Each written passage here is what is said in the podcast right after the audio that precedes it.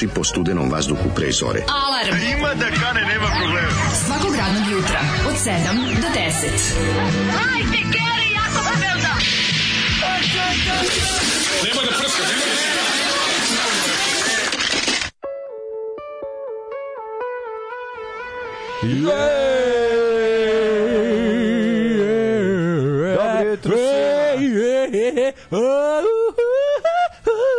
Znaš kada riba ima glas, ono? Kako ga ima, ne, ne, Znaš kada ima glas. kada ukrašava svaku pesmu? Kako ne? Završi da tako... Au, je, Kako neću znati. U, je. Oh yeah, all right. Šta ima? Pa evo, ništa, imam super glas, pa sam teo da pokažem kakav mi je, znaš, to, da vidi se da, da eto. Gde si bre, vidim da si ladno mi je, napuni- la- ladno mi je, pa se tako grejem. Napuni si se u energijom. U energijom sam se napunio od ovog fena, ovo je Daniel, mislim. Ne, ovo je Daniel koji je ovaj, prvi prvo što me pogodilo This jako... is Daniel.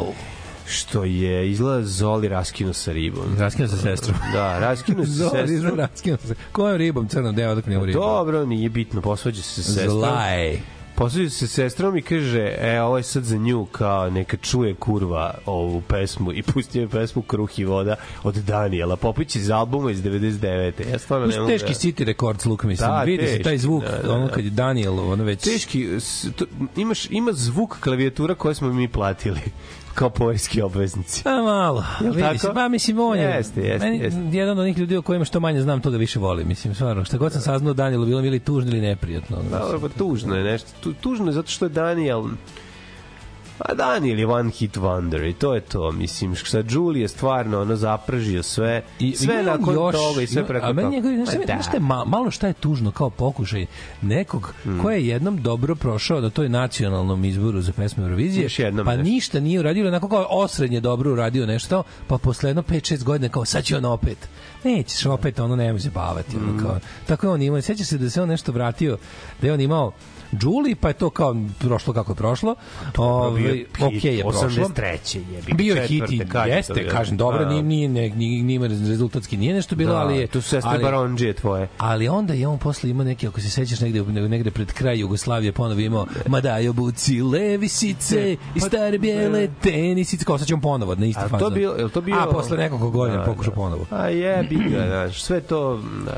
Pa onda te njegove priče o tome ko je njegov, znaš kao da ko, daš ti Ja sam crnogorac, nisam hrvat, nemojte me mrzeti. E, da, im bilo i to. Je li to bilo? Bilo je i obrnuto za zavisi za koje tržište. Ali onda je bilo i ovaj bilo je dosta A tužno. u Hrvatskoj ja sam Hrvat, nisam crnogorac. Bilo je ono tužno, Volite bilo je tužno, ono kao tipa mene su pokrali, pa tako da neku pop pesmu koja ona uspela u životu. Ne, meni najtužnije mi je bilo u kojoj je Daniel E, kao sedeo tužiću, tužiću Robija kao- Williamsa za šta, što je bolje od tebe, ono mislim. Pitaju neku, pitaju neku klinku kao iz publike, kao, aj znaš ko je ovo? Ono sedi, Ne. sedi ono garo, pita kao glumac iz Robocapa, znaš, ko je, ne Da, znam, niko nema. Robocop. Ono, ono, znaš, kao, tako s, s, sed, mislim, još može, Da, još da, je on frajer, još on pokazuje da bi- bi Julie i dalje imala ludački juli i sećanje da je živo na sve to, ali jebi ga ne prepoznaju te nove generacije. Koliko bi ja sad kao mladi slušaju Daška i mlađe, slušaju jaje moje, razumiješ? Da, da, da, da. Znaš, da. ono kao treba nekako E, biti realan. Treba znaš. biti realan, znate A, da stoji. ja, Gde nas ja. mladi slušaju, to je teški incident. Pa, Znaš, ja.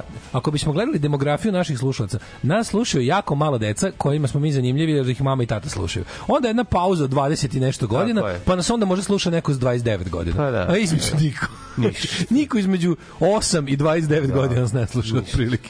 Čim su stavili da, rupetina. ono- Čim su tamo da sami biraju, ovaj ne neće nas. Da, da stave, da stave uši ove kako Ne, se što zove stave. TikTok jebi ga. Da, da, da. Mislim, to nismo mi sad krivi, ne slušaju ništa što nije... Mladi slušaju nešto što, što je druga planeta, znaš. Mi ni ne znamo šta je to. Mi ne znamo Da. to da izgovorimo i ne znamo to da nađemo. Ništa ne razumemo. Tako da sve u redu, odlično. I neka tako bude. Mhm. Nego ovi ljudi napolju jednocifrena temperatura, to nije u redu. Ladno je bre. Stvarno nije u redu, kao- 9 stepeni napolju. Srce svodnika. Ljudi, jako je ladno. Znači.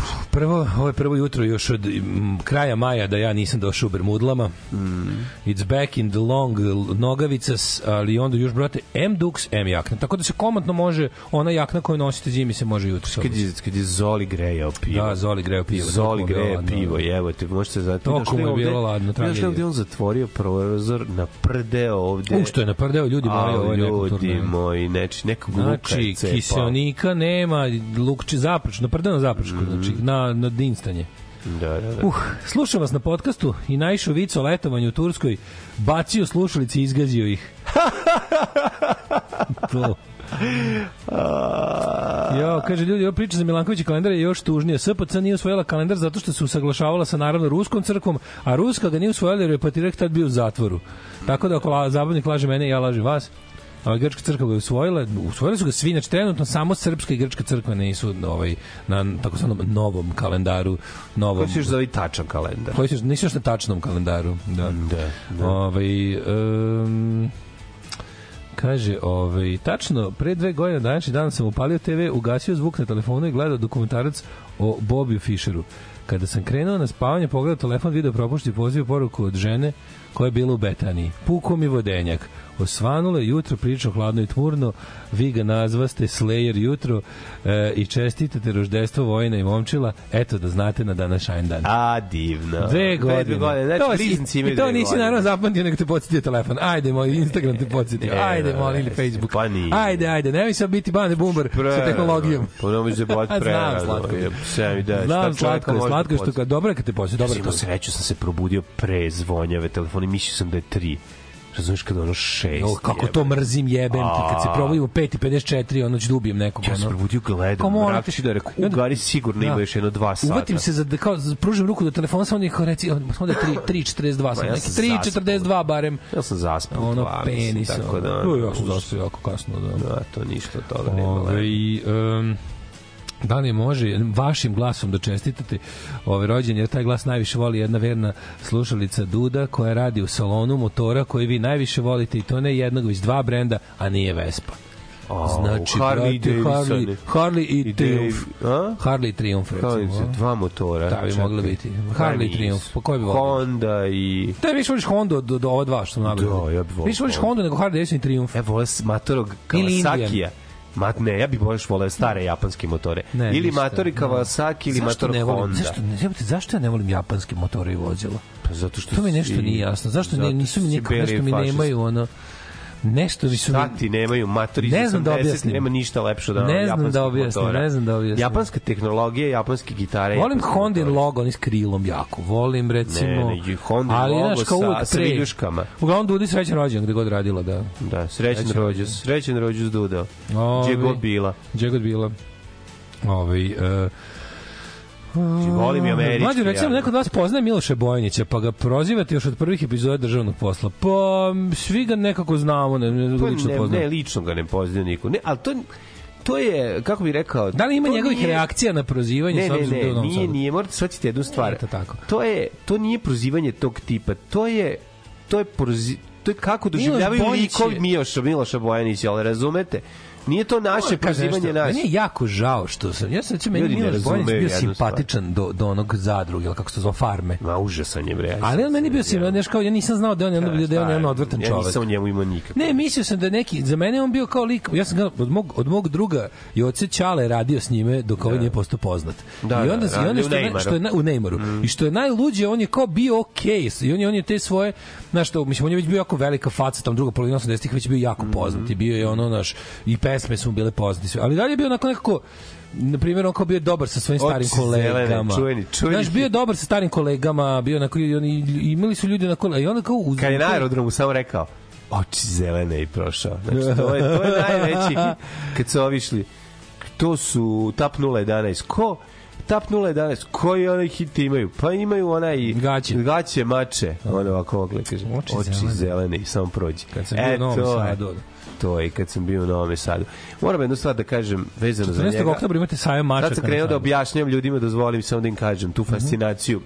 Fascinacija Miloša Bojanića je fascinacija likova iz državnog posla film Miloš Milošem Bojanićem kao uspešnim novosađaninom. A, da, da, Razumete? da. A ne, Primer a ne naše trpanje njega. Primer čoveka iz male sredine Male, koji je da, uspeo. Da, koji uspeva u njih iz njihove branše njihovo godište. Da, da, da, da. Pa se oni zato fasciniraju njime. Kugla sladoleda u kocita manici se u Australiji zove Spider. Spider. Spider. Kao, ovaj, kako se zove, sećaš se? A, u kocita manici sad se shvatio ju dok, se, dok mi se upali mozak. Coca-Cola. Koga si Da, više da, da, voleo da. kao ovaj, prijatelja iz bara Nika Slotera, Ijana ili Spidera? Iskreno ti kažem, mislim, e, išao Spider mi išao na kurac. Ja. Ali kako nisi voleo njegove Fred Perry majice bez rukava, ove mači polo majice bez rukava na kojima je izvezen pauk tu da je logo. Meni je to bilo moćno. Spider je onaj mali sa razmakim zuba, onaj Da, plavi. da, da. da, Ma, okej. Ličili su i Ian i Spider, Da, dosta da. su ličili. Voleo sam celu seriju, Ali da recimo, kažem. dosta je bio jak st- styling, znači polo majice koje su začenjene rukavi i izvezen ovaj pauk. Pauk bi to, ja bi to furao, čoveče. Ja bi to furao kad bi mogao nađem da je ne. To moraš navesti. Da mi izveze. Onda samo, on pitaš devojku šta je ovo, onda samo koja zna gde je Helsinki glavni grad Norveške Da. i gde je Spider, negde. ko je o Spider, ti kao, on kaže Spider iz Nick Slotera, ti kažeš to maco, dođi da ti se napijem sa motora Jo bre, ženke. kaže da mlađo, hladnoća babine sahrani. Seti se sahrane moga dede. Novembar napolju hladno, užas vetar, a u kapeli deda smrdi. Ne znaš šta je gore. o, Bože. Pičku materinu. O, Bože. Horor. Ove, e, neko, je pro, neko, neko je na nama probao kako A mu deda odradio neko a je na nama- kapela. A A kapela odradio. Daysmer. Oh, fuck. Neko je odradio probanje novog telefona, ovaj kako se zove ovde, na nama, pa nam je poslao jedno 5, 6, 7 po istih poruka sa lupenim, lup, na lupenim slovima. Nema veze. Ove, e, um, mm. Kaže, pre koju godinu sam bio u Belegišu na Dunavu, gledam iz daleka kako se neka, neka, neka devojka izlazi iz vode i ne mogu da odredim da li na butini ima tetovažu ili joj se zalepio mulj. Daškova woman. Da, da. Bila je tetovaža, naravno. Bila je, bila je. Bila je psorijaza, naravno. Nije, bila je. bila je psorijaza. Bila je jedna od vrsti, jedna od ranih tetovaža kada jebi ga dođe do takozvanog razlivinga. Slušam vas od početka, čak i pre, tro, čak i pre toga. Razmišljamo slično. Već dve nelje mi stoje u glavi i ne mogu da obradim onu mlađinu rečenicu o tome da ima boljih fitness milfica od mintica. Kako smo došli do toga, drugovi? Ma lupa, budala, pustite ga u bateriju, bre, lupa. A i ovaj, kako se zove nešto, teo da bude ekstravagantan. Evo, još, evo i dalje mu, evo, ja sam posle se izvinio, ali niste čuli u programu. Nisu se ništa izvinio. Ja sam rekao da ova, osim ove glavne mintice, da ove ostale ništa nisu nešto Nije posebno. tačno. A, obro, boli me dupe. šta se Ajde, desilo? ovaj, Desilo se da, da snaga naše Glavna pominjanja- mintica je brutalna riba. A kako Ostale crvena su- nije? Pa glavna je crvena, jebe mu Nije glavna crna, glavna je plava, ona kako se Gde zove. je ona plava? Nije. Glavna ona u svetlo plavom trikovu. A, dobro, ne znam. Tebi glavna crvena. Glavna mi je bre, nije mi glavna Moguće, ona čekaj, crvena. zašto moguće da je plava crvena? Jel crvena ima onaj Nije svoj plava crvena, sigurno. Ne, Ne, ne, crvena u crno-belom trikovu. Ima crvena u crno-belom trikovu. Imaš sa širim Ne, licem teta ti i crvenom kosom Aj, i ima teta sa ću užom glavom. lica kad skroz različite. A jebi Znači, pa imaš, imaš crvenu tetu u crno-belom trikovu. Ona je možda glavna, znaš zbog čega to mislim. Zato što jedina ima kadar uh, kratki u promo videu gde nije nas pravi. sama bre jebote. Ne, ne, ne, ne. Ta nisu. teta glasna glavna, kako nisi razlučio ko je glavna teta? Mogla bi biti ona crna u svetlo-plavom kombinezonu. Ajde, nabijem te, na sad ću ti pokažem. Mogla bi biti, ali znaš zašto ipak mislim da je crvena plava? Zašto ipak mislim da je crvena glavna? Ipak mislim da je crvena glavna zašto jedina od svih ima svoj solo kadar be- bez prava za vežbanje. Znaš, zbog toga mislim. Ali ono što je najlepše kod Minta, što ja uopšte ne, ja to ne pratim, znači, ja to nisam zapratio, ja sam odoleo i nisam zapratio. Ovo ali je glavna sve teta koja. nemoj me zajebavati više, ovo je glavna teta. A uskoro drugi video, meni taj ne iskače. Ali to, da, to je ova. A koji tebi to nije, to nije, to je, to je, taj, taj je na promo videu. Pa ovo je glavna Taj je na promo videu u plavom kombinezonu. Pa ta je najbolja, mislim da se ne zajebava. Samo što je vezana kosa na tom. Znaš koja meni stalno iskače? Meni stalno iskače Do ovaj. bolesnika jebote, ajde. ono. Ali zato što ja to ne, Ne, pratim. vidi koji meni iskače. Ček sad ti pokažem. Ja meni- E, vidi koji meni iskače. Zato što e, ja ne pratim, a iskače mi, Vidi ovaj razumeš? koji meni iskače. Ajde, Stalno posle svakog jebenog mi neverovatno. Znači, zato što sam toliko puta izgovorio mintu prisustvu telefona. Jebe. A ja sam u stvari mislio na onog štampariju da štampa majice. Ti samo Razumeš? ne, pa naravno, pa i ja na to mislim. Na koji drug? Šta koji ste vi mislili? Ja mislim na tetu koja štampa majice u Mint pa da, štampari Mint promo. u ko gde, koja je to ulica? Go- Gogoljeva, nije gde se Ljudi, najbolja poruka, tri velike slova. Crvena nije glavna. Pa nije Ovaj. glavna, jebo to što sam ti ja pokazao je glavna. Ja isto mislim da je ta glavna. Pa šta Slažemo onda, se. razumeš, ono, mislim, ona je najbolja. Slažemo se, ali znaš šta je, ipak u promo videu koji meni stalno iskače, jedino crvena teta ima solo kadar bez prava za ima istoriju vežbanje. drkanja na vežbanju u jutarnjem programu i koji zna da ti kaže glavna teta je uvek najbolja riba kako su dalje od kamere, tako ide loši kvalitet, tako i kod igračica, Ovde to- i kod igračica i oni, Ovde oni to ra- moglo neguju reći zato što recept. ti, ti imaš taj gde ona so, A, us- ti imaš video gde ona solo u kadru, normalno samo njen. A ja koji nisam, koji sam manje drkam paćenik, na masovke. ja koji Ja sam manje koji- paćenik, ja imam onaj što, šta mi Instagram nudi. Ja drkam na masovke, nisam jako ti. A ima, elitista a ne, ne da mogu da, znaš zašto ne? Da odvajam, Stalno ja uleće ne onaj- odvajam. Stalno uleće onaj tip što nervira. Onaj što, Tamo malo duže drkaš. On dođe malo, odlagač. pa on služi da odlaže. A, ona babina slika u Messinganom ramu. Ima on kao on šeta pa se oklizne. Babina slika u Messinganom ramu, to misliš. Pa da, da, da, da, da, Imaš da. šta da pogledaš. Ono. On je odlagač. Šta su mintice, šta pričate, u čemu vi to bulaznite? E, znaš šta, nećemo tako. znaš šta, nećemo tako. Nije, nego dosadan je Daško i ono sa tim. I to što ljudi što sam rekao stojim iza toga. Hm? Šta vam je, jedno malo vam pusti slow motion, vi odmah ono bacite. Ljudi, Znači, odoste ono, u mono. Šta je vama? Odoste u mono. Šta je vama, ljudi? Ono? Odoste u mono, ovo mi se sviđa. Odoste u monotono, to je problem. Da, da. Ovaj, dobro vama jutro, poštovani naši slušajući. Počinje još jedna radna nedelja. Da, da, da. Bio je vikend E, od tri dana, a sad počinje radna nedelja od četiri dana. E, ljudi, ljudi život to je se može kurvanje, izdržati. Život je mintanje, život je droga i alkohol, ponedeljak menični. Six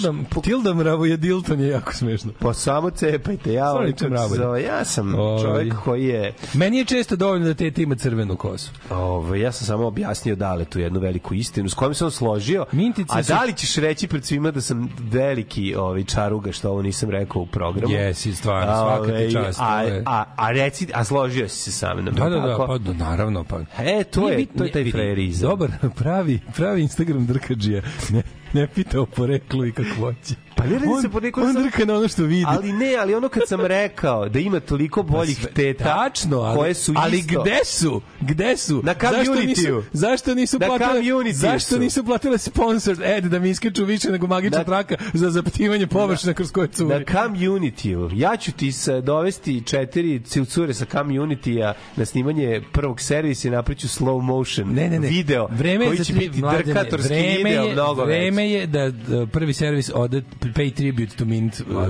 neće. ovaj promo. Pa kad donesu im se poprave sprave. E tako je. Da, Da. donesu može, Reći, može, reći, može. da, reći. Ovaj po, mintice su poslednja stvar iz Novog Sada koje se vidi s meseca pored ludila porodice Balašević.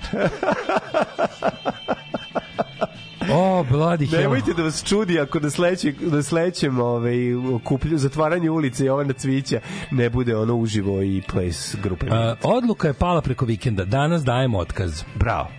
Ove, danas dajem otkaz, dovoljno sam čekala da se ključne stvari promene, ostajala zbog kolega jer smo dobra ekipa, ali javaj, nalazit ćemo se posle radnog vremena, neki ide život. Hvala Bogu, ljudi, hvala Bogu, kada misliš da ne, kada osjetiš, be, to se u kostima osjeti.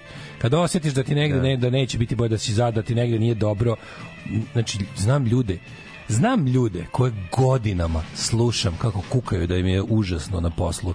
I onda kao, kao kako ću naći drugi posao? Ne mogu naći drugi posao, pa čekaj, zato što ideš na ovaj posao.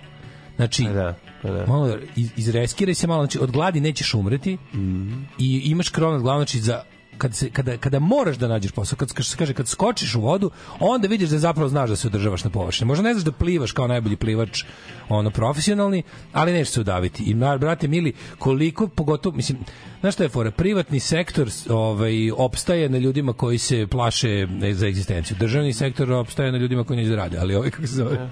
ali je fora što stvarno kad pogledaš upusti upusti upusti se u, u, u tako nešto mora. Sad znam da zvučim kao motivacioni govornik, ali ukoliko Ali to i jesam. Ne, ali kao znam ljudi koji nisu niti niti izdržavaju porodice, znači on relativno mladi ljudi koji imaju trebalo bi da imaju i snagu i hrabrost da počinju stvari iz početka. I onda kao naš tu sam već šta si tu, čoveče, od- slušam od tebe samo loše stvari o firmi za koju radiš od kad te poznajem. Znači, brate mili, i ti mi kao I kao ne mogu naći novi posao. Upravo si Daško, dajmo otkaz. Tražim, pa to ti kažem, dosta si trpeo zulum.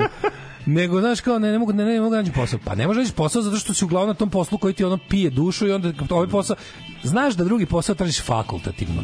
Kad budeš prestao ga tražiš fakultativno, fakultativno i posvetio vreme traženju posla, jer ne ideš na ovaj više posao, imaš vremena da ozbiljno tražiš posao, nešto ćeš i naći.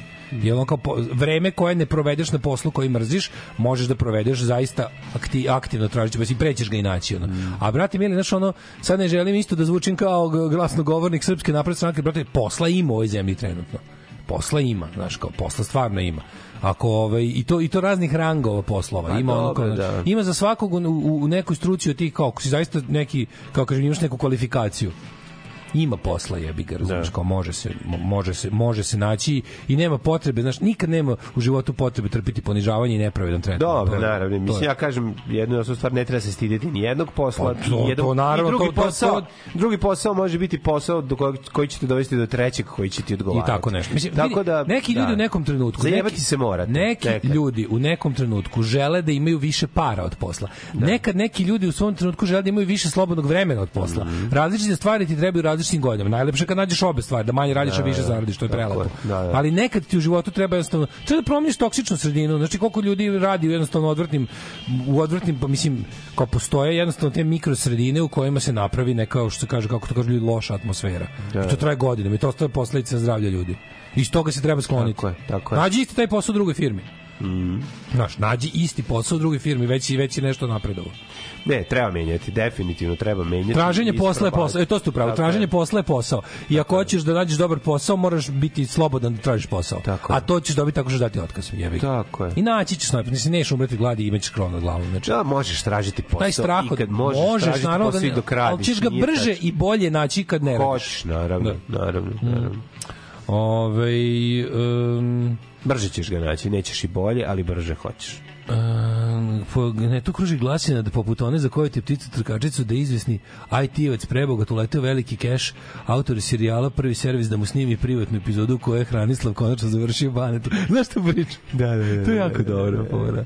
Zavisi kao da se to kao radi mlađe, smeš da kažeš da li je to tačno ili nije da ti je Jeste, da, jeste. da, da si za jednog bogataša snimio specijalnu epizodu i da ste potpisali ugovor da ne sme nikom da prikaže, da samo on za sme da je gleda. Samo za njega gde Bane Se kaže te gotovo. priče, mlađe? Za koga se to pričalo? To se pričalo za, za Rockefellera, pa za Da, Bill da, Gatesa, da, da, da, pa da. za ko- pa za Magic Johnsona. Za svakog se se priča ko ima para, ono, za sećam Michael se. ono. Jordana, ne mogu se setiti. Sećam se, neko reče- to je tačno bilo pred internet, pred internetsko vreme, znaš. Neko je rekao, kaže, čoveče, Magic Johnson, čovjek koji je protraćio najbolje porno ime na, na NBA karijeru. Da, Magic da, Johnson. Magic. Johnson, je. Sećam se one epizode South Parka kad kao šta je leg za sidu, ono Magic Johnson melje dolare i... i Je li istina da je to bio Nemanja s community? E, a šta je bilo gde Nemanja sa kamijeti, zašto ga nema? Da, da nema. Pa ja ga nisam video već to godina. Dobro, ja nisam baš često. ni ja isto, ja ono. sam baš moram da se jako zapostavio community, moram se ovaj moram moram se moram se ovaj moram Ja se, moram se aktivni. ja jutro sam okačio gitaru za ovu, E, za gitar dobro. sekciju i pojačalo. Znaš kako sam im napravio? Moram se vratiti na onaj nesebični način čitanja community, a ne samo kad imam nešto da kažem da tresnem, da, to nije lepo. Ove, e, mlađe, Ja sam- ja sam mlađe treba da sliku. traži novi posao da pobegne od ovog toksičnog kolektiva na radiju Daško i mlađe. Ja sam okačio, ove, ja sam okačio gitaru i pojačalo zajedno moju moju trenutnu fascinaciju i kombinaciju, to je Yamaha iz 69. i Rickenbacker iz 93. godine Rickenbacker iz 93. je napravio čovjek Dobro, to je velikog gradišta To mu samo daje za svoje to za svog sina koji nije teo da svira dakle to nije original Rickenbacker kao što mogli ste pretpostaviti jer jer Jer, jer ovaj košta kao Ne, ne, pa da, ostalo ovaj original košta 3000 Sve košta kao sve ostalo u kadru. pa da. mislim ne, a, a što Uključujući dva deteta koje Da, sam to video. Pa, znači, nema dece. Ovaj kako se zove, ima klavir. Ali sve zajedno, to što ste Pa, videli, skuplji nikad klavir. ne košta, ne košta to. Mislim, kao, kao original Je skuplje, ako se vidi klavi novo u kadru skuplje. Ovo je tako, skuplje, Da, da, pet puta da, da. klavi nova. Tu, onaj, tu se je pl- klavi nov kupio Sećam se kad smo na prvu platu na prvu 92, platu na da. B92. Da, Da, to se I ovaj kako se zove, ali ove fore, formi kod tog, te kombinacije je što to poja, ta gitara je koštala 200 evra, čoveka ne znam koliko da napravi, ali nije ni važno, on je toliko ocenio, a ovaj, poja, ovo pojačalo je, ne mogu ni da kažem koja je bila cena na nilonu, bolje da ne pričam. Tako da hoću da kažem samo da, da nekada... Stvari stila, ne para. Tako je, te, kao, i svi kako sam ga ukomponovao. Mladene, kako dobro kod stila, izgleda. kaži mi šta si još ovog vikenda radio pored što se lepo uslikao pojačalo.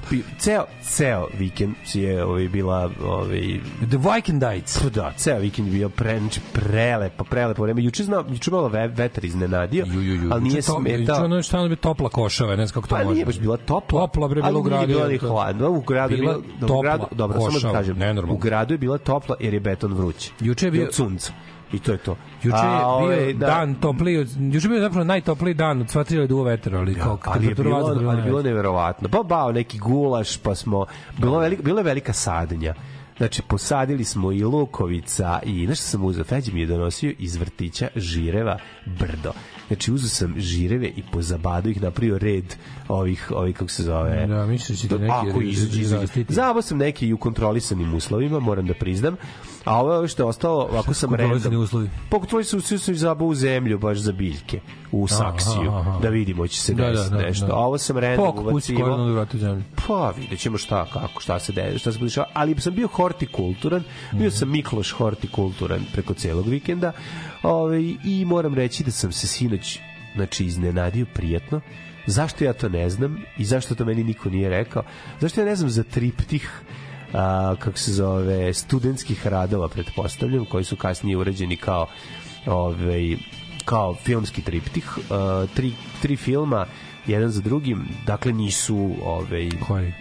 E, jedan se zove um, Tamarin izostanak, drugi je Crveni makovi, a treći je znam. ovo neko naš, ovo nešto naš. To je dobro ludašte. I zašto ja ne znam najvažniju stvar i zašto meni taj čovek koji se pojavljuje u Pa taj- Crvenim taj- da, makovima, da, da, da, zašto taj mi glumac, neko- onaj što je- Što glumac bre? Na koga misliš? Na onog, onog mladog glumca što je posle da nema. Sada mi kaže da sam ga ja po slučajno video ili se meni učinilo, ali mislim da je naš drug Toljaga, odnosno ovaj kako se zove, odnosno Digital Moguće. Warfare da se pojavljuje u crvenim makovima u jednoj sceni, u nekoj prostoriji sa bendovima. Ako je tu tako da mi, da, mi kaže da ajde, ajde, ajde, da, ovo je važno. Da li se ovo to ljega... Ovo iz 2011. Iz 2011. znači na mute Santa Maria del Salute. Del Salute, da, bilo je da. dva ujutru. To je mlađe. Dva ujutru sam krenuo da vraćam da vidim pošto je na pošto na Happy-u je išlo, a na Da, Happy-u a ne šta govori. to gleda u bioskopu, Na? Happy-u ne piše ko ne piše ovaj e, Celu špicu.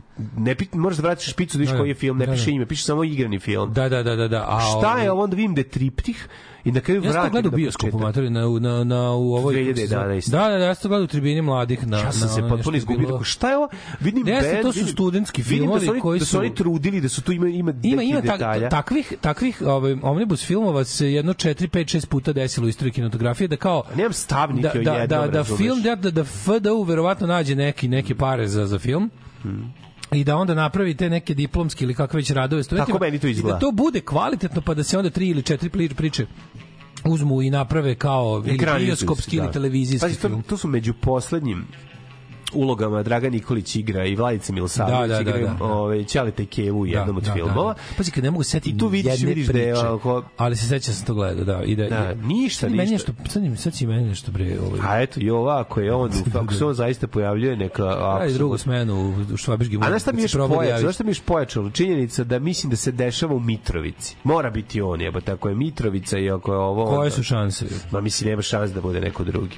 Tako da ove to to sam ono što sam ja viđao za vikenda da osim što sam se sablažnjivao na dešavanju u Izraelu i tako dalje. Ti mi reci šta si ti radio? Ja sam, brate, mladene, moj prijatelju, druže, Nije da me boli kuje, ali znaš Zbog bi- Zbog mase. Vikendi, trodnevni vikendi, trodnevni vikendi, trodnevne avanture. Ja što najvažnije, stigao sam i da se razbolim. Znači, I još da u ozdraviš, i da ozdraviš. Ja sam u četvrtak, pa znaš šta, polu sam ozdravio, ali ja sam još ono u četvrtak bio kljakav. Majke Da. mi, znači ono Ja, ozbiljno. i meni, ja tako osjećam zadnjih jedno 7 do 10 dana, sve nešto neka mi mala snaga došla, nije mi ni do čega. Ja mislim da se- si, jer da sam garant, neka, garant, garant da sam Možda protrčava virus kroz nas, ali...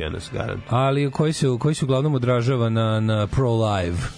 ali hoće da ovako da smori mlad organizam, a prihodi niski. Ovaj šta je najvažnije? Najvažnije je da smo mi u četvrtak popodne dobili platu.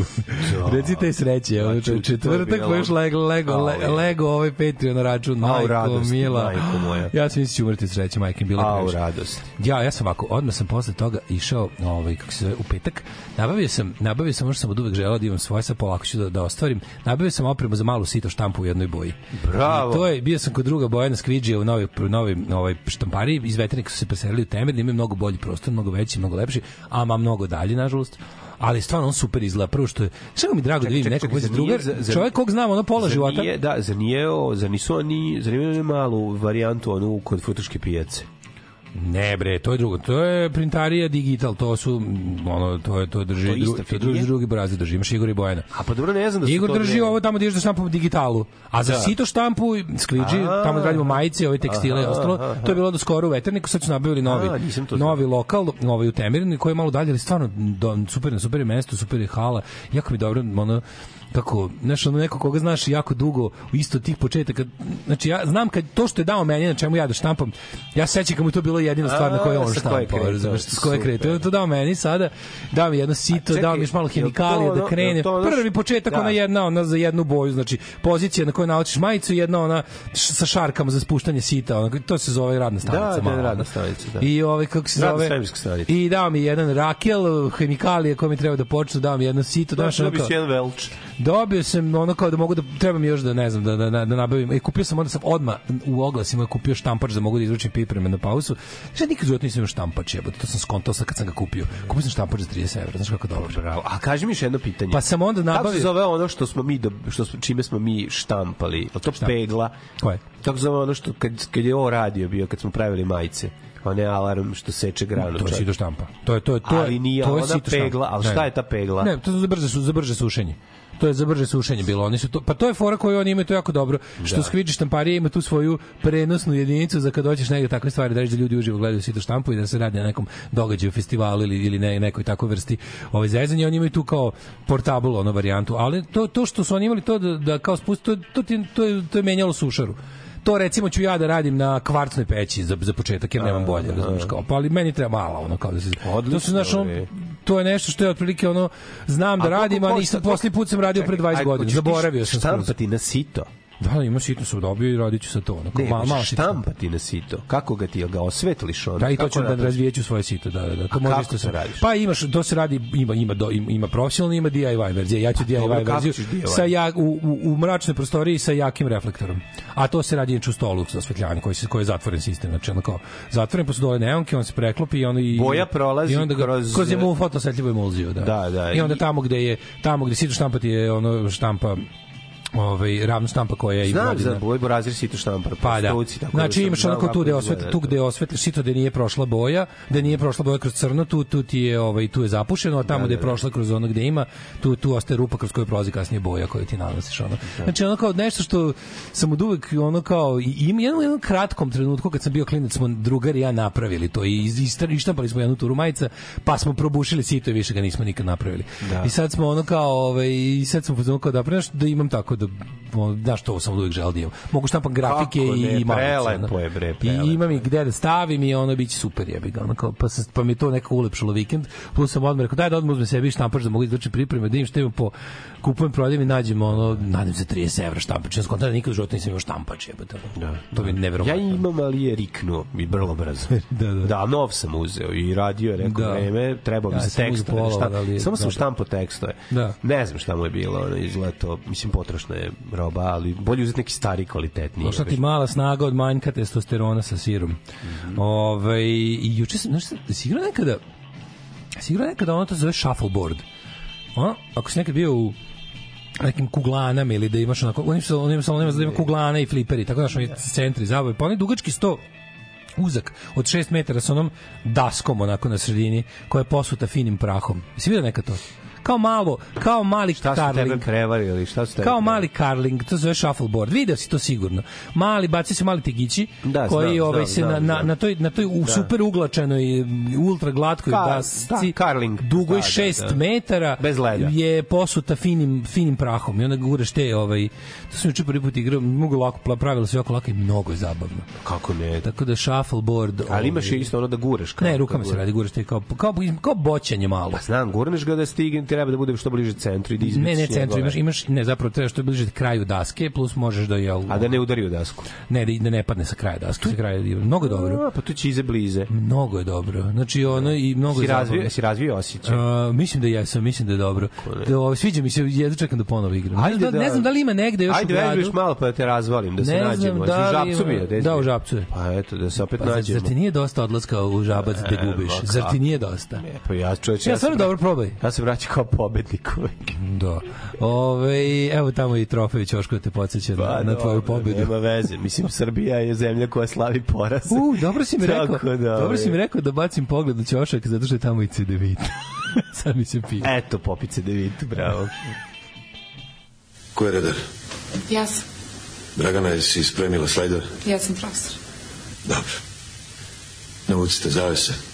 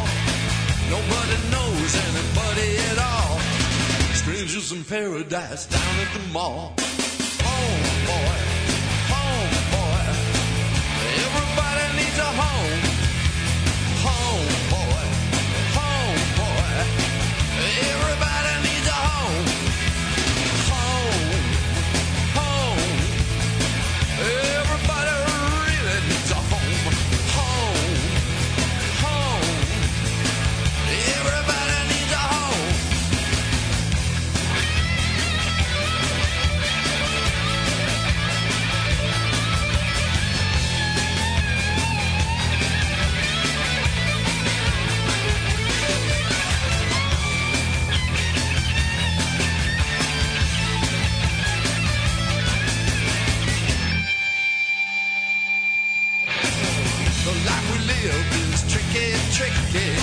I love my home.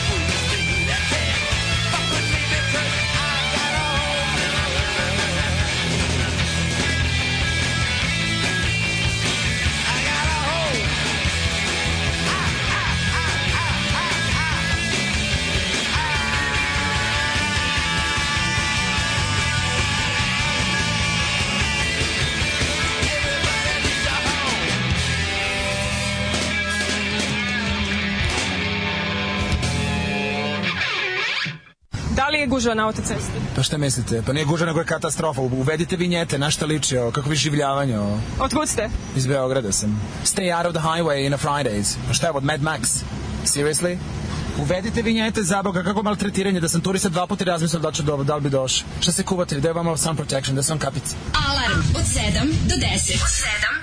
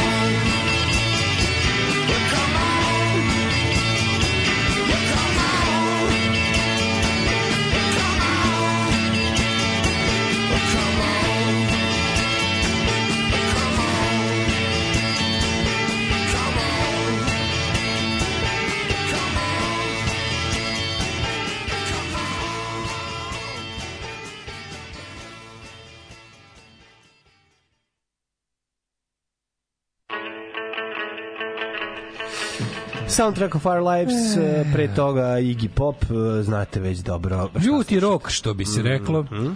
Ove, um, evo recimo vi, s godinama tražite više vremena od posla, da zaradite više, a radite manje. Recimo Daško i mlađi ne radi petak. Ne, ne, ne, mi ne zaradimo više, ali radimo manje. Mi, mi smo, ni, nismo postigli jedno i drugo. Mi ne zaradimo više, ali radimo bar manje. Bar to, I to je mala pobeda. To je velika mala pobeda. Ove, e, jel, e, kaže, uzmeš žir i staviš ga u mokri ubruz da proklija. Hvala puno. E onda ga zabodeš u zemlju kad proklija. To Meni si- raste mali hrast u, u, u stanu, na gajdu. Da. Mali hrast brije košava, lišće pada Stanom još stan. rastu hrastovi. Ali smo mi Niži stari mrastovi. Jednog dana sam dobio otkaz. Sutradan je devojka koja sam predavao papire pitala šta će sad. Ja sam rekao nemam pojma. Ona krenula telefon i pitala video jesi našla novog i tako sam sutradan počeo radim kod vide.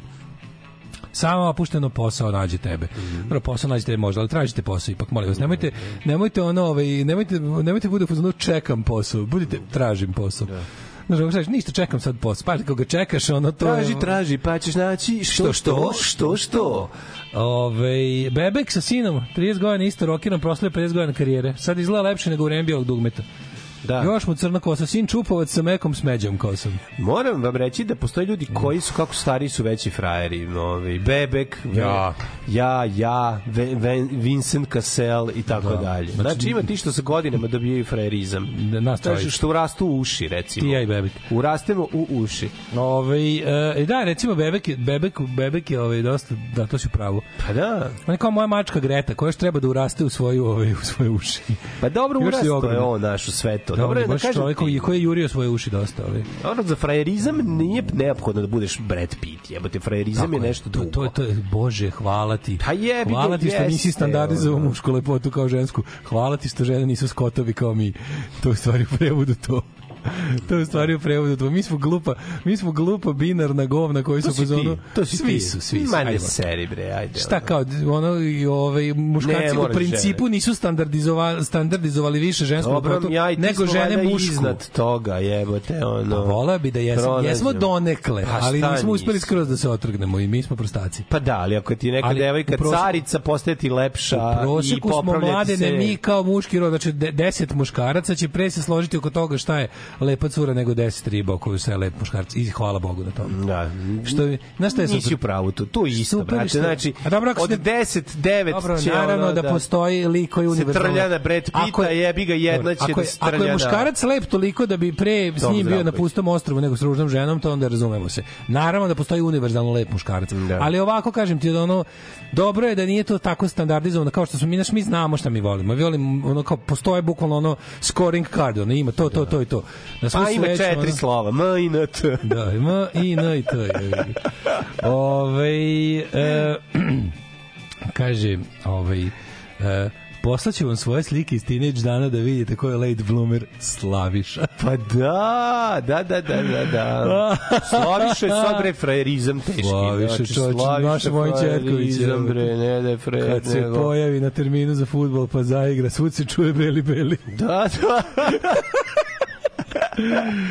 Ove, Ne, ne, ne, Slaviša sad bre, znači, bukvalno stok fotke plaču za njim, jebi ga za frajerizam. Hvala vama što zaradite isto, a radite manje. E, kad bismo mi obični ljudi imali takve careve kao što vi imate nas. pa jebi ga, mi smo vas Bravo, našli, nađite i vi Ne- sebi ne, vas. Ne, znam za vas, da, da, mi smo, mi smo sebi našli vas, sad vi na, sebi, nađite vas. Pa da, morate si pronaći vas. Ne znam, za vas meni je nastup pekinške patke bio malo jadan. A čuj malo, malo, ljudi, ljudi, moji, čemu ono? Ljudi, to je baš krinđoteka. O, krinđoteka. Mislim, to su užase postmoderne, razumiješ? Neke tradicije treba možda i se prekinu. Ali znaš šta je krinđoteka, krinđoteka kao 021 koji je kao duševni izveštava o tome. Znaš, sve kao sve što je novosadski, to je 021 super. A ne, meni su pošto ovaj Gari ono- zaštitio sve kao da je njegovo i ono doviđenje prijetno. Ajde, pičku, Majko, sve je to tako. Pekinška patka iz Zavoda za intelektualnu Da, došao čovjek i ono je, te, okej. Ono, Da, stvarno, je baš, ono baš krinđara, ono baš je... A, zato što Ona, je. ona, ona je baš anti-punk čovječ, baš ono sve što punk nije, je stvarno tuga je. Ove, I onda... Mislim, sve to zajedno je nekako, ono, ja sam samo video sliku, a nisam se usuđivao da gledam ništa dalje. Onda ti jasno, jebi ga, ono, Najbolje, znaš šta, najbolje, ja volim, ja volim, institu- cringe, ja volim ono, instituciju cringe na cringe. Kada recimo oni tako nastupe 021 oduševljeno nastup izvesti o tome kao wow Woodward duh stari kao nekad. Nemoj punk kao nekad molim te. Ovaj ali onda to je prvo znači stvarno hard neprijatno i onda i onda komentar stari punker napiše punk is not death Znaš, to, ono, to je super, to je to, Pa to je to. ste taj- ste. to je ceo krug, to je ceo To je ceo krug. krug. Zatvorili ste Da, krug. da, krug da, da. neprijatnosti je zatvoren. da, da, da, da, da. Ali jeste... The circuit is closed. Ne, transfer of unpleasant iz Uf, tog cijelog hard, događaja je toliko hard. jak. Toliko Ceo taj jak, znači sve to, znači ono kao jevate... Ali uvek mlađe, znaš Pa- tužni? Što pa uvek, imate- oni su, ovim je, ovim je 136. nastup od kao, od kad su se, ne znam, reoformili. Uvek kao, vratili su se da malo praše. Pa dobro, brate, više. Ne znam da ste primetili, ta, ta povraćena pekinška patka postoji već tri puta duže od originalne jebote. Da, ono. da. Mislim, originalna patka je postala tri godine jebote, ako i toliko sastavila. A ovi sad gnjave već Da, deset ali okej, u raznim vidi, inkarnacijama. u- ali jedna inkarnacija je stvarno bila dobra. Nije ni jedna bila A dobra. je bi ga bio sa Bila sve dok stani, Daj, bre, bre, je bila dobra? Ja sam u Beogradu svirao sa njima, jebote, svirali su na, da je to SKC, gde je bilo, jebote, ono, Da. Kaj ste u bašti? Ja sam gledao na, na, Kaj bašti, na, kaj ste? na Exitu To je- bio mega neprijatnost. Ma to je bilo užasno neprijatno. Exitu jebote, ovaj sedeo na stolici, još jedan gitarista sedeo iza na stolici. Jezivo izgledalo to sve. kako je to Ne, ovo nije bilo ovde. Slušaj me, ovde su bili bare, ma, bale, mare, mislim da je Robert bio na bunje, ne mogu da se setim, i, i, i Šonta je pevao. Jebote, bilo je dobro. U pičku bilo, znaš, ono, odsvirali, razvalili. Jebote, da gledaš baleta, dobro je, razumeš, ono, odmah imaš, ma, ono, znaš, to je sve mm, klasa je, brate, dobro je, vozi. Je Znaš, klasa. oni su bili dobri. Bili su dobri, jebote, taj dan, taj kako dan kažem? Exitu, ti kapiraš mi na taj dan na Exitu gledali jebote, u istom danu smo gledali Hives, Ministry, Sex Pistolse i nažalost Pekinšku patku. Na, jako mi je to bilo. sećaš sećaš kad je Čonta dao intervju kao Pekinška patka, pa kao ja sam kao još u to vreme sam kao to je, to je, to je najneprijatniji njegov izjav ikada. Kao PP Pekinška patka, al za mene je značilo i PP pravoslavni punk. A kad je to rekao? Ja, rekao je u pičku. Ajde, znaš kako neprijatno, na nekoj konferenciji, za- tako povodom nekog reizdanja. Ja nešto, to, ja to mogu da opravdam. Ja, Ja, ono, od, ja bih otišao da se, se živi u Kanadu. A ne, znaš što on to bio kandidat Srpskog pokreta obnove 90-ih pre nego što je otišao u Kanadu. Bio kandidat se čestitog CPO za nekog odbornika u gradu. Otišao u. Kanadu, jebi ga. ono. Na svu sreću. Da, da, da. E, bra, mislim da bi mislim da mu je kod Peđe, ovaj je uradio podcast Peđa, ovaj naš drugar sa radio. Da. Ovaj je napravio pa je pa je pričao o tome. Mislim čak da vidio sam par ljudi da su rekli da je dobar intervju. Pogledaću ga, eto, ba, nisam Ove, stigao. mlađe kao čola, iznad svake podele, dobar čovek po defaultu. Ne, ja sam za podeli, nisam ja iz- ali, ali sam takođe da se stvari nazovu pravim imenom. Nervira me kad krene ono, naše oduševljavanje filterima i, i, i slow motionima, a znam kako se to pravi. Kažem, za zbog toga pričam. Te- sestra stigla iz Nemačke, ima drugaricu iz Novog Sada, pri- priča nemački i zanosi na novosadski. Nemice mole da im priča jer im je slatko da je slušaju. Da. Ne sad pušam to zamislim. Ali meni već, mislim, zar, nije, zar nije deo ovaj, novosadskog akcenta i nastao zapravo zbog priče, zbog kao germanizma, germanizma koji su ovde Ne, nego vremena. zbog oslobođenosti od fizičkog. Ali dobro, to je dobro. Ranije su još novosuđeni. Novosuđeni su ukazom Marine Terezije prestali Za da rade pekinške fizičko. patke, Led 3 u petak bili sve samo ne krinčki. Led 3 su mm, rock and roll mašina. Ljudi, moramo shvatimo jednu Led osnovnu 3 je stvar. institucija. to je postoje bendovi koji sviraju sve vreme bez pauze i ono postaju sve bolji i bolji. Jebi ga to je Let It Be. Znači, njihov koncert je njihov koncert je kao da si otišao ono u fabriku rock and rolla ono. Pa da. A opet, a opet je s dušu. Opet je Da, dušu. ima uvek fazon. Mislim, Kaže, opet je s dušu. I uvek ćeš dobiti novo nešto i Ja spontano. tako i... volim ateiste, ja volim, kao bendove koji Hives, žive ceo Hives, život. Hives koncert se pregledali. Hives, da, pa nema što. Drugi Oscar je bio na tom koncertu koji su Hivesi odabrali da prenose pre live preko Facebooka sa super ovaj Mhm. sa ono 12 kamera snimljen. Znači, ovaj taj iz Brisela.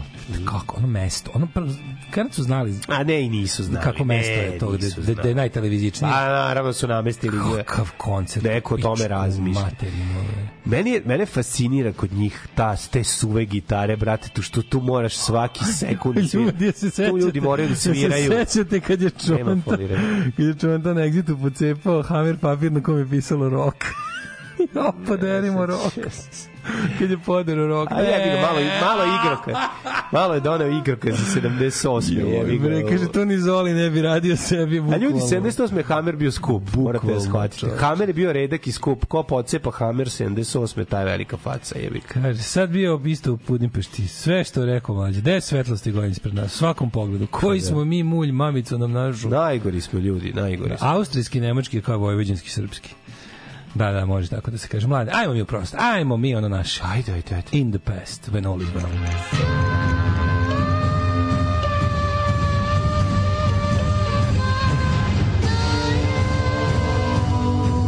Dogodilo se na današnji dan. 9. oktobar, 282. dan godine po Gregorijanskom kalendaru, do kraja godine još 83 dana, dale... Mm, da vidim, Da da čujem, da da podarim čujem, rock. frajeru, gde ću Ma, Znaš se- gde ću? E. U Vox, uh, u Blues Club Vox. E, Blues Club koji Pokazao se nalazi... Da, a? gde se nalazi? U Beogradu, negde pri nekom prigradu. U nekom idemo, prigradu. Idemo, gde je Blues? ju, ju, ju, idemo mesto gde miriše, odiše dušom. Gde odiše miris bluza. Tako je. Neopranih. Neopranih bluza. Može. Meni istorija počinje 1621. Završena bitka kod Hotina, povlačenjem turske vojske. E, nešto, nešto malo više o bici kod Hotina. Opet je Bora Čorba u pesmi. Između drugog, neću da postanem crkotina. Dobio sam bitku kod Hotina. 1. septembra između Poljsko-Litvanske unije i Osmanskog carstva, ovaj, da vidimo ko je. Zadržao je vojsku sultana Osmana II. sve do prvih jesenjih snegova i na kraju je po, poginuo u bici. Turci zbog kasnog perioda za ratovanje i velikog žrtava okončali opsadu i bitka je završila neodlučno i ovaj, tako da je Ove, to je jedan od perioda, eto još jedna, može se reći da je to pobeda ovaj, protiv turske koalicije. A 1701. u New Havenu u američkoj državi Connecticut osnovan je univerzitet Yale. Yale! Tako je. Yale! Univerzitet, jedan, još jedan, jedan od Ivy League. To je još jedan od univerziteta koji Daško i ja nismo pohađali. Nažalost, ja sam za to vreme išao na baš radnički univerzitet Voli, voli. gde sam učio engleski. Ja. Tako je. E, nikla ova zgrada, čoveče, ovaj radnički uskoro će da se otvori, vidim, nešto su nešto zaživile, Ma idi što bi ludilo. rekao naš narod. Ne, krenulo. Drago mi je da vidim da to čoveče, meni Ajde, baš bi pa da. volelo me. Važna je dok ta je zgrada. Ja sam zgradu voleo Jeste, ceo ta zgrada je važna. Ne znam zašto sam je Lepo voleo, voleo Iako sam sad ceo pripada nekim IT skamovima, ali nema veze. Neka Kažem, ji, da. neka ji. 1806. Pruska prekinula neutralnu politiku prema Napoleonu i objavila rat Francuskoj u kome je poražena uz teške teritorijalne gubitke. Pričamo o 1806. godini i o periodu a uspona Napoleonovog koji je zaista bio fantastičan, veličanstven, It jer je bio... vrtoglavik uspeh. A bio je čovjek ozbiljan vojni strateg. 1915. Nemačke i austrougarske trupe u Prvom svetskom ratu zauzele Beograd nakon ove jesenje ofanzive, nakon prvih ove uspeha srpske vojske usledila je jel da zamena komande glavno komandujućih dolaze dolaze Znaš o čemu ja malo- počereka dolazi McKenzen O čemu ja i- malo znam. i tu se dešava I nisam baš nešto puno nalazio. Ajde. I o tome se nije baš nešto puno ni pričao koliko mi se čini, Pa pa verovatno više. Zašto malo znamo o da u rečeno knjige. o životu Beograđana pod tom okupacijom. Baš skoro ništa ni, nema o tome, jel da? Pa Mislim, da. koliko oni su tu, sedeli su oni tu dve i po godine. pa sedeli da da da da dve i po godine, skoro tri. Mm. Ove, i, i šta, kao, ka- kako izgleda život u, u okupaciji u Prvom svetskom ratu, u okupiranom Beogradu u Prvom svetskom ratu? Pa ne znam, pošto se veći deo stanovništva odselio, ne znam ko je Misliš da se ostao. odselio? Ja mislim da se puno stanovnika od, bio od, krenulo uz begove. Ali nije oni, mislim, z- kažu da su ovi e, da su u povlačenju vojske preko Albanije zapravo više učestvovali Pa sigurno, vojnici mislim da su Beograđani. Da Beograđani. Ma da, ne, da, da su zapravo Beograđani, malo ono, ali- pa stari Beograđani- Oni, oni garnizon vojske stacionirani. Pravi stari Beograđani nisu, Nisu ni čuli, nisu ni čuli rat. Realno. To ti kažem, Pa da. Ne, znam, ne znam kako. Mislim, oni su ušli u rat bez borbe. Znači, Beograd nije razaran u Prvom svetskom ratu, razumeš? Pa, bilo je, kako, Kako nije? Pa pa bombardovanje, bi ga topovima. Pa dobro, to na to priobalje. Razareni prijatelji. U Prvom svetskom Kako ratu. ne, pa da. Nije bombardovan avionima. Pa znam, Ali nije, rokali. mislim, to je ono Jesu, kao jesu, što, što, su oni, kad su kao počeli napad, mislim, taj Be- Beograd je faktički se predao, mislim, nije bilo borbi za grad, ono. Bio kao Bilo je borbi za grad, ali bilo Kako je bilo povlačenje vojske. Pa Pa trajalo po- je Vojska se povlačila, nije, nije, nije bilo ono... Pa je bi znaš ga trajalo mesec dana, jebi ga nije trajalo, nisu se odmah povukli. Ali ovi su, ovi su ga kao to Schelling je bio u pravu si kao nije neko nije naš kao grad nešto nije Kako nije bre, oni su pucali bre na grad i rokali su se između sebe još ne znam ja za to baš Pa ne znam. izjebati Zemuna su ih rokali sve vreme od 1914. Šta je s tobom? Grad je ono godinu dana pazario. Samo što ne, samo što ne, nije, nije, nije su pokrenuli vojsku na njega. Naš nisu Ali jebote ti imaš pa, Pa prva kažem da- žrtva jebote je bila u Beogradu, pičku vojnik. Da, da, da, Mlad tako- dete, u stvari civil. Ne, ne, prvi svetski rat je, Je počeo tako. ubijen mislim. sa druge strane Ne, ne, prvi svetski rat jeste počeo tu i tako, ali je Pa da, ovaj kažem ti, tu su ali nešto kao to osvajanje se kao i te ni- baš nekako ne Nije ne priča se. razaranje, razaranje. Pa ne, priča se o tome, nije nešto ne, kao da razaranje. nema kao da nema događaja, I branjeni su ulice, pa su se povlačili, jebi ulazili su Ali nisu ne, ne, nisu branili, nije bilo borbe na ulicama, 100%. Bio, bio čak pokušaj se proglasi valjda za otvoreni grad, da su ovi ušli, oni su iz Zemuna ušli preko ovog, na ovog, kako, zovem, tu je bio onaj neki most, kako se zvao, to, to je na mestu gde je... Da za Kraljevića Vjekoslava. recimo, lupam. Bio je most malo gledano sa, sa ove, kako se zove, sa strane Beograda, ka Novom Beogradu, malo desnije od ovog gde je sada taj most kraj Aleksandra. Ne znam, iskreno da kažem, moram priznam da stvarno ja Da, znam nije malo, nešto- ali nema, koliko viš da se nije kao- ali logički kad razmišljam... Kao da nije bilo neki događaj da se da se da se znaš kao za, da zaopisivati, ono kao nije bilo. Pa bilo je, bilo je puškaranja i, i pušenje i. Pušketanje na Novom Beogradu. Da, da, da. Što bi rekao Bata Stojković. E, to, to, to. Dalje. E, 1934. Vlado Černozemski izvršio atentat na jugoslovenskog kralja Aleksandra Karađorđevića u To je Marselju. bilo na današnji dan, jebote. Današnji dan 34. Ne, ne, moramo, ne smemo zaboraviti da je na taj dan i mlada Rahela Felari na, u pozorištu, Srpskom narodnom pozorištu. izvukla od svog glumačkog fijaska. Da, je uspela da ne odglumi, jer je ušao vojnik i prekinuo predstavu. Ove, baš A trenutku kad je ona trebala svakako da izađe. nije bila ni spremna, imala Ona i nije tremu. spremila tekst. A imala i tremu, spaso je ovaj. Uh, 1940. nemački Luftwaffe bombardovao je katedralu Svetog Pavla tokom bitke za Britaniju. A ovaj 1944. počela treća Moskovska konferencija na kojoj su uh, britanski premijer Winston Churchill, lider SSSR-a Josif Stalin razmatrali problem Poljske, Grčke i Jugoslavije i dogovorili se o uređenju Evrope posle drugog svetskog rata. Tu se i dogovorili kome će šta pripasti. Jeste. 49. Poljska tebi, Grčka meni, Jugoslavija s njima. Tako, otvoren je futbolski stadion. Koliko volim Nekad mlađo. je bio, uh, ra- izvini, izvini samo, koliko volim, moraš da upratiš sad nove epizode Indija. Indi, Indi, Indi posle mene najveći ti to isto na internetu. Ajde, Kakvo moram da loženje. Znači, koliko, koliko Indi, Indi je video Tita. Znači, kako voli da stavi onu, onu frajersku Tita u sliku i da baci neki dobar citat ili od Hastingsa ili od ovoga, kako se zove drugo, kako se još pisao Road to Berlin. Znači, Mhm. kako voli da, voli da prikaže druga Tita u najbolje mogućem svetu. kad je I ja mu se ovom Ali prilikom mater moćno. zahvaljujem. To sad nema premo, veze, premoćno je. A pogotovo uživa u tome kao Tito, da kaže kako Tito dobro je za- od svih jedini u Evropi postavio Staljinu uslove pod kojim njegova vojska može negde dođe da ratuje. To je, to je stvarno Da, prelepo. jebi ga, to, to, To je prelepo. To je veliki tvrd kurac. Tako je, tako ne, je, slušaj tako ga. je. 1949. Zašto ne postoje podaci o tome koliko je bila Tito kurčina? Sigurno je bila ogromna. Ogromno kurac ima. On je bio ranjen u kurac.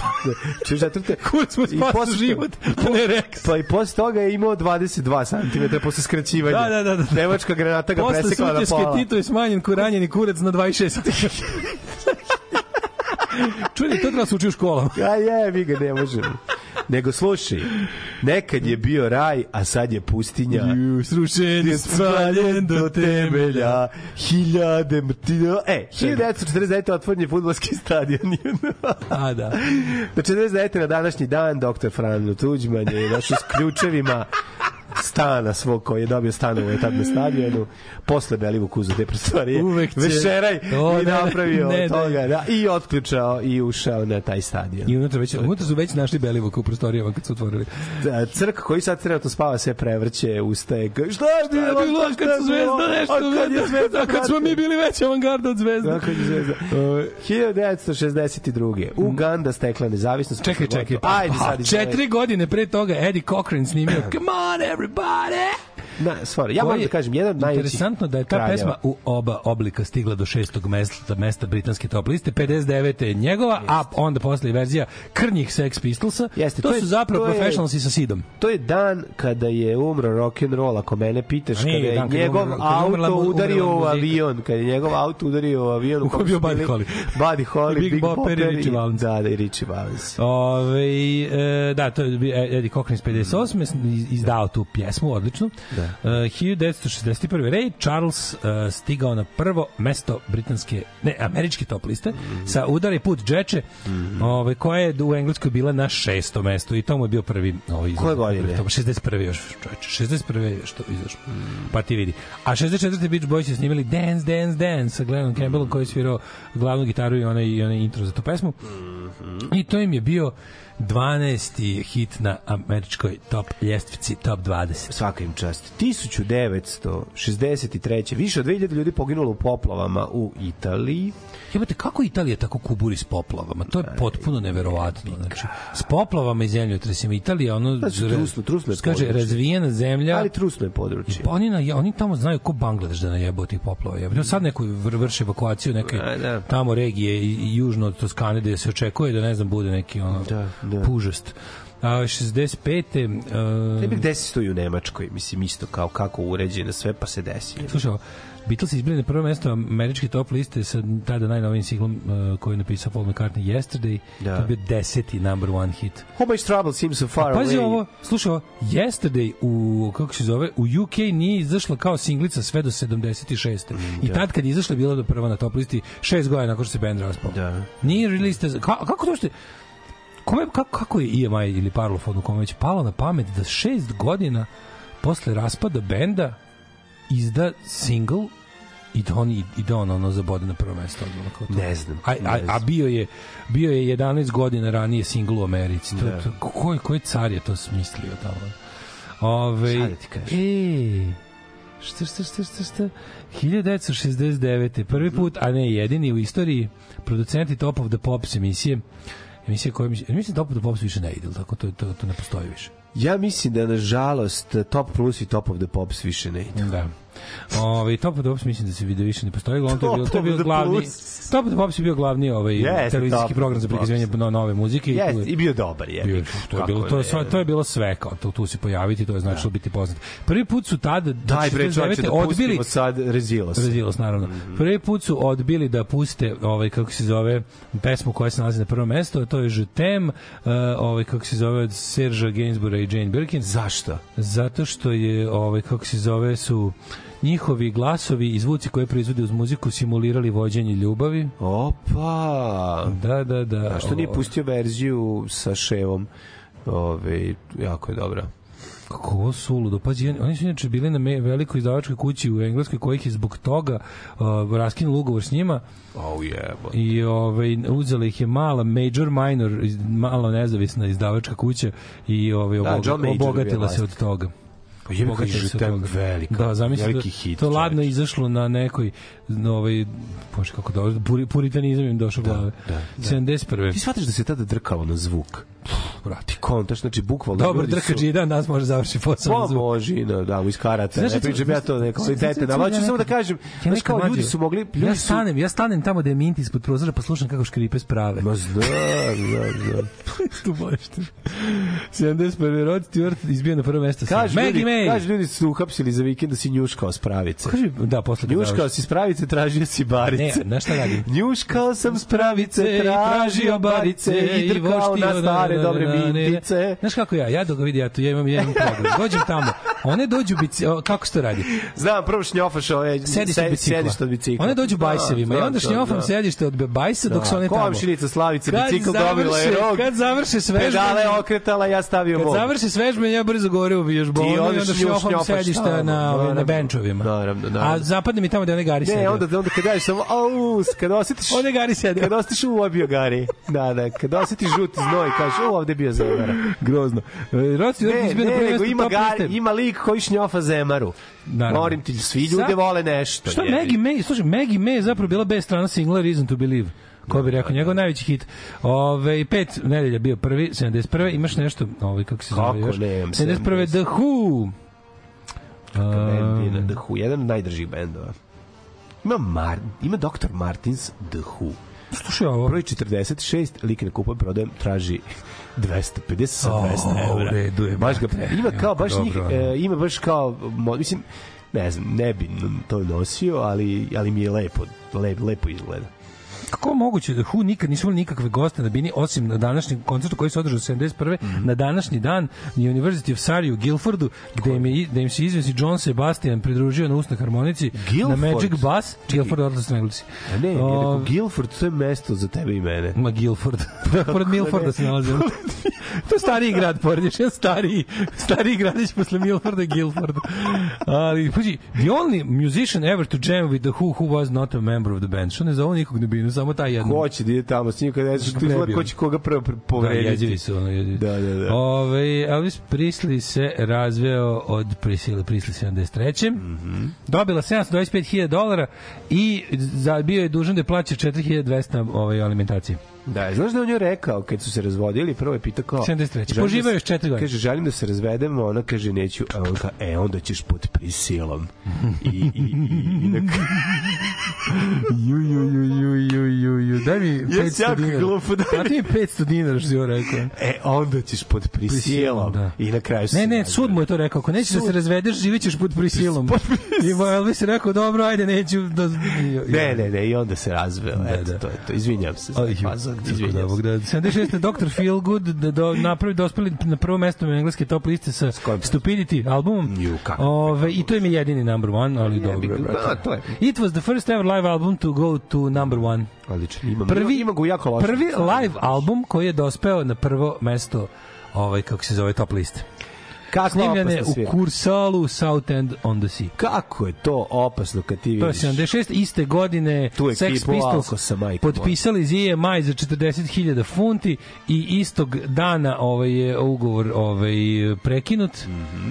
E, znači iz, izašao je Anarchy in the UK ovaj a a ovaj kako se zove izašao izašao je single isto isto dan kad je izašao single je prekinut ugovor i izašlo nekoliko hiljada primjera koji su kolekcionarski sad primjerci Da, da, i da. tog jedinog izdanja za EMI Ja imam koji taj post- imam taj primjer. imaš singlicu EMI Da, da, da, Sex da, Pistols Da, da, da. stvarno Da, da, znaš koliko košta?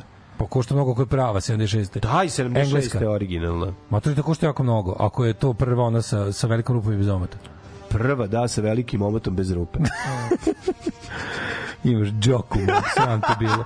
Sex Pistols. A da ste uvili facu. Ne mogu verovati. Ljudi moji, to je bila mešavina radosti i zavisti. Ne. Ne znam kako da objasnim. Ne, Ali sreće, ne, ne, više mi u faci se moglo vidjeti odakle to njemu. A što, moglo a nabiti? što ja to ne bi imao?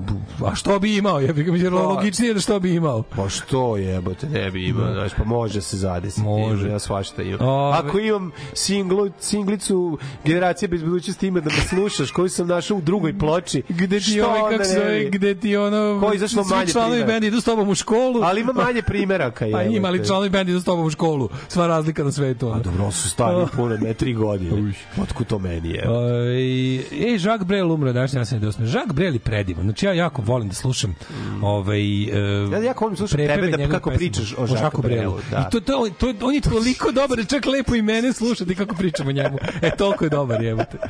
Ali stvarno, ono, znači, Ne, ne, Scott Walker, Scott je Walker. Frank Sinatra, David Bowie, Tako je. Alex Harvey Tako i je. pogotovo meni dragi ovaj James Dean Bradfield Harvey, tako je. iz eh, ovoga, kako se zove, Tako Manixa tako i je. popularni Momus. Ma i i Moma i cijela ekipa. kada snime ovaj kako se zove verzije njegovih njegovih stvari su prelepi i prepe, lepo lepo prepevane na engleski.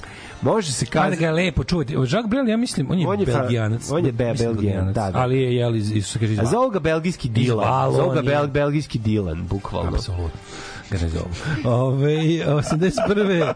Stonesi otišli na turneju i sad slušaj ovo. Da, odvikavanje iz života. E, otišli na... Kod mene da je tu bio na najgori američku heroin. Znači, ako bi trebalo... 81. Da, da, to mi je neko... Pre bio. Ne, to 81. 73. je bio. 81. su već odlučili doći da žive duže malo. Da, da, upravo I da ne može upravo baš da se gura u svaki otvor na telu droga. Pravo si, upravo Mick. Jones je, ovaj Mick Jones, ovaj Mick Jagger je rekao, Kod tam da je 75. je bio najgori heroin. Apsolutno, da. Verovatno, da, da, da. Ali mislim da 81. Mick Jones rekao, znate šta, drogirat ćemo se, ali nećemo gurati u rupu za pišanje. Mick. Jagger.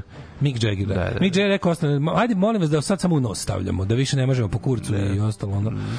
Ove, e, da, da se malo smirimo, da dočekamo sledeći album. I evo ih i dan danas. Čim čovjek malo prikoči, sve može.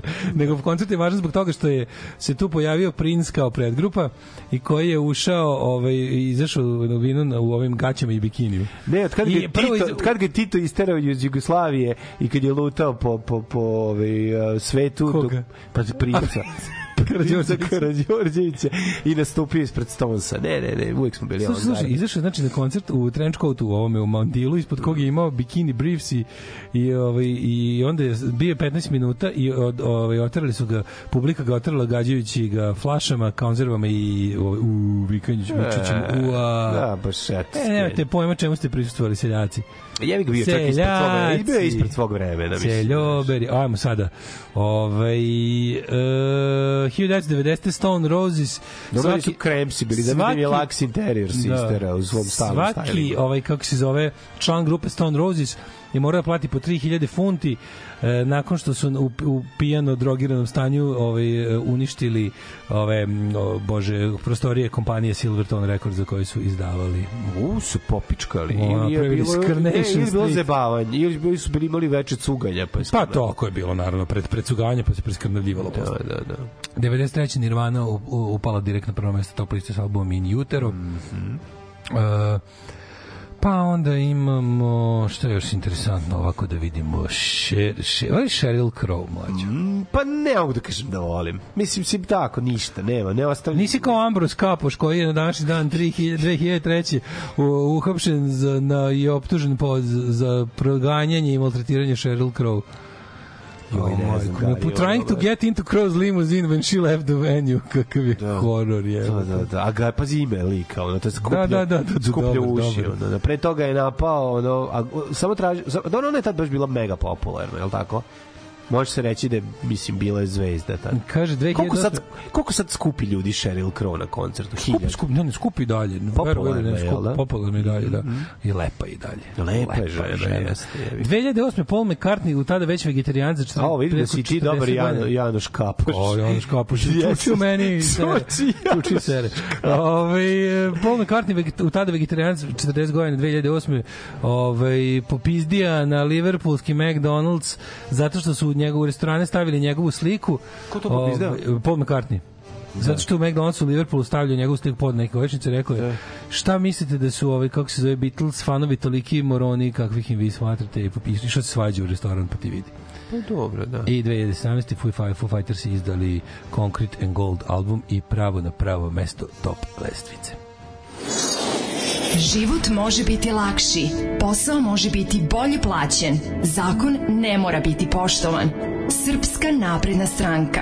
Učlani se još danas.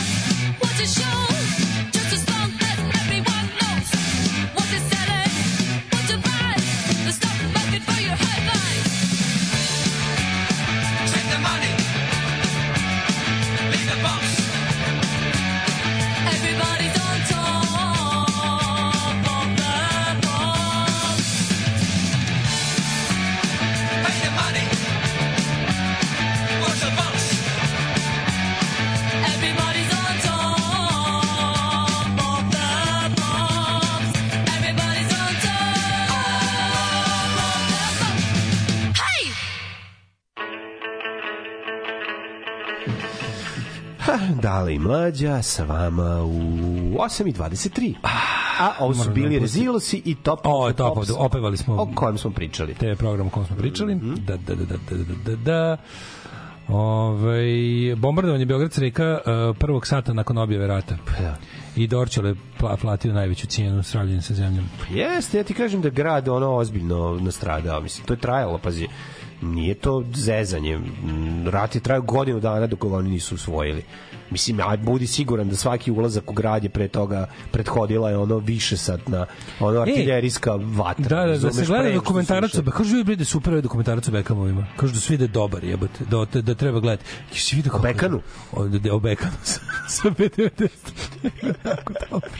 o Beckhamovima, ovaj, ali ja, kad, ja sam vidio, sam svi vidio kadar što svi stalno šeruju, da kao Victoria Beckham mislim, izjavi, we were very working class when I was growing. up. Čuješ njega koji je otišao, koji iz druge prostorije, ono bukvalno ispada u š- ono šerpa iz ruke, ulazi kao, you were what? Znaš, onako, niste vidio? Nisam, jako da. dobro. Da se ono kao, ovako, we were very working class when I was growing up, ono, ono, ono je ono, Aj, ko je ono? i vi slušaš njega koji je ono kao, šta kao, kojim kolima te Ćale vozi u školu? Kaže ona, like, ponekad, kojim kolima, ovo nastavlja, samo reci kojim koji njega, da. koji stoji kao, the car, Victoria. Jaguar, jeste. What's the car? Rolls Royce. A, evo, we were very working class. jebote, ono. Ali kao, hvala iz- izađe iz kadra, razumeš, kao, kao Pa zato neko dobro izreži- da neko dobro režirao. Ne, ne, da. dobar je, do, ja kažu, kažu svi da je ono da ima da je onako nekako, ne znam, lju- ljudi od kojih ne bi očekivao da im se tako nešto dobro su rekli kao da su uživali gledajući, da, da, da nije ono neki, da nije neki pličak, razumeš, nego da je neka baš kao dobra ona priča. Super, aj, baš, baš se radi. Da, da se gleda dokumentarac o Beckhamu mogu i ovi što ne prate fudbal, ali oni koji prate kao Daško, koji je aktivni fudbalski pregledac, obavezno da gledaju. Dobro. Ovaj um, kaže, ovaj Otkad je počela vaša jesenja šema, nešto me muči i danas sam uspeo da definišem. Ne puštate dobar mainstream, Pearl Jam, Eric Clapton. To nije dobar mainstream. Uh, Kenjate u bluzu i za petinu ste skratili program. Patreon će ići Sonji, ona pušta dobru muziku. Pa, pa, pa, pa, pa da, i, i treba, treba. prika moj. Ne treba mi novac fanova Erika Claptona. Neka ide Sonji. Ja se izvinjam samo, ja se izvinjam. ja se vam meni treba. Ne, ja odgovor. Meni treba. Ne, ne, ne, ja, ja se izvinjam, samo ja sam ja znam da mi nismo nikada puštali Erika Claptona. Ni, niti ćemo. Da, tako niti da. To stvari obećamo. Jesmo, Obećamo, hoće kad umre možda. jesmo Yardbirds smo puštali, on je tu svirao gitaru, tako da. Ne, čak smo puštali one stvari da njih nema, da njega nema. Dobro, Nikad nismo pustili ništa Pustio sam Claptona. Ja jedan sa onog, ali okej, nije ni važno. Nikad nismo pustili Yardbirds gde on svira, pošto on tu jako kratko ostao.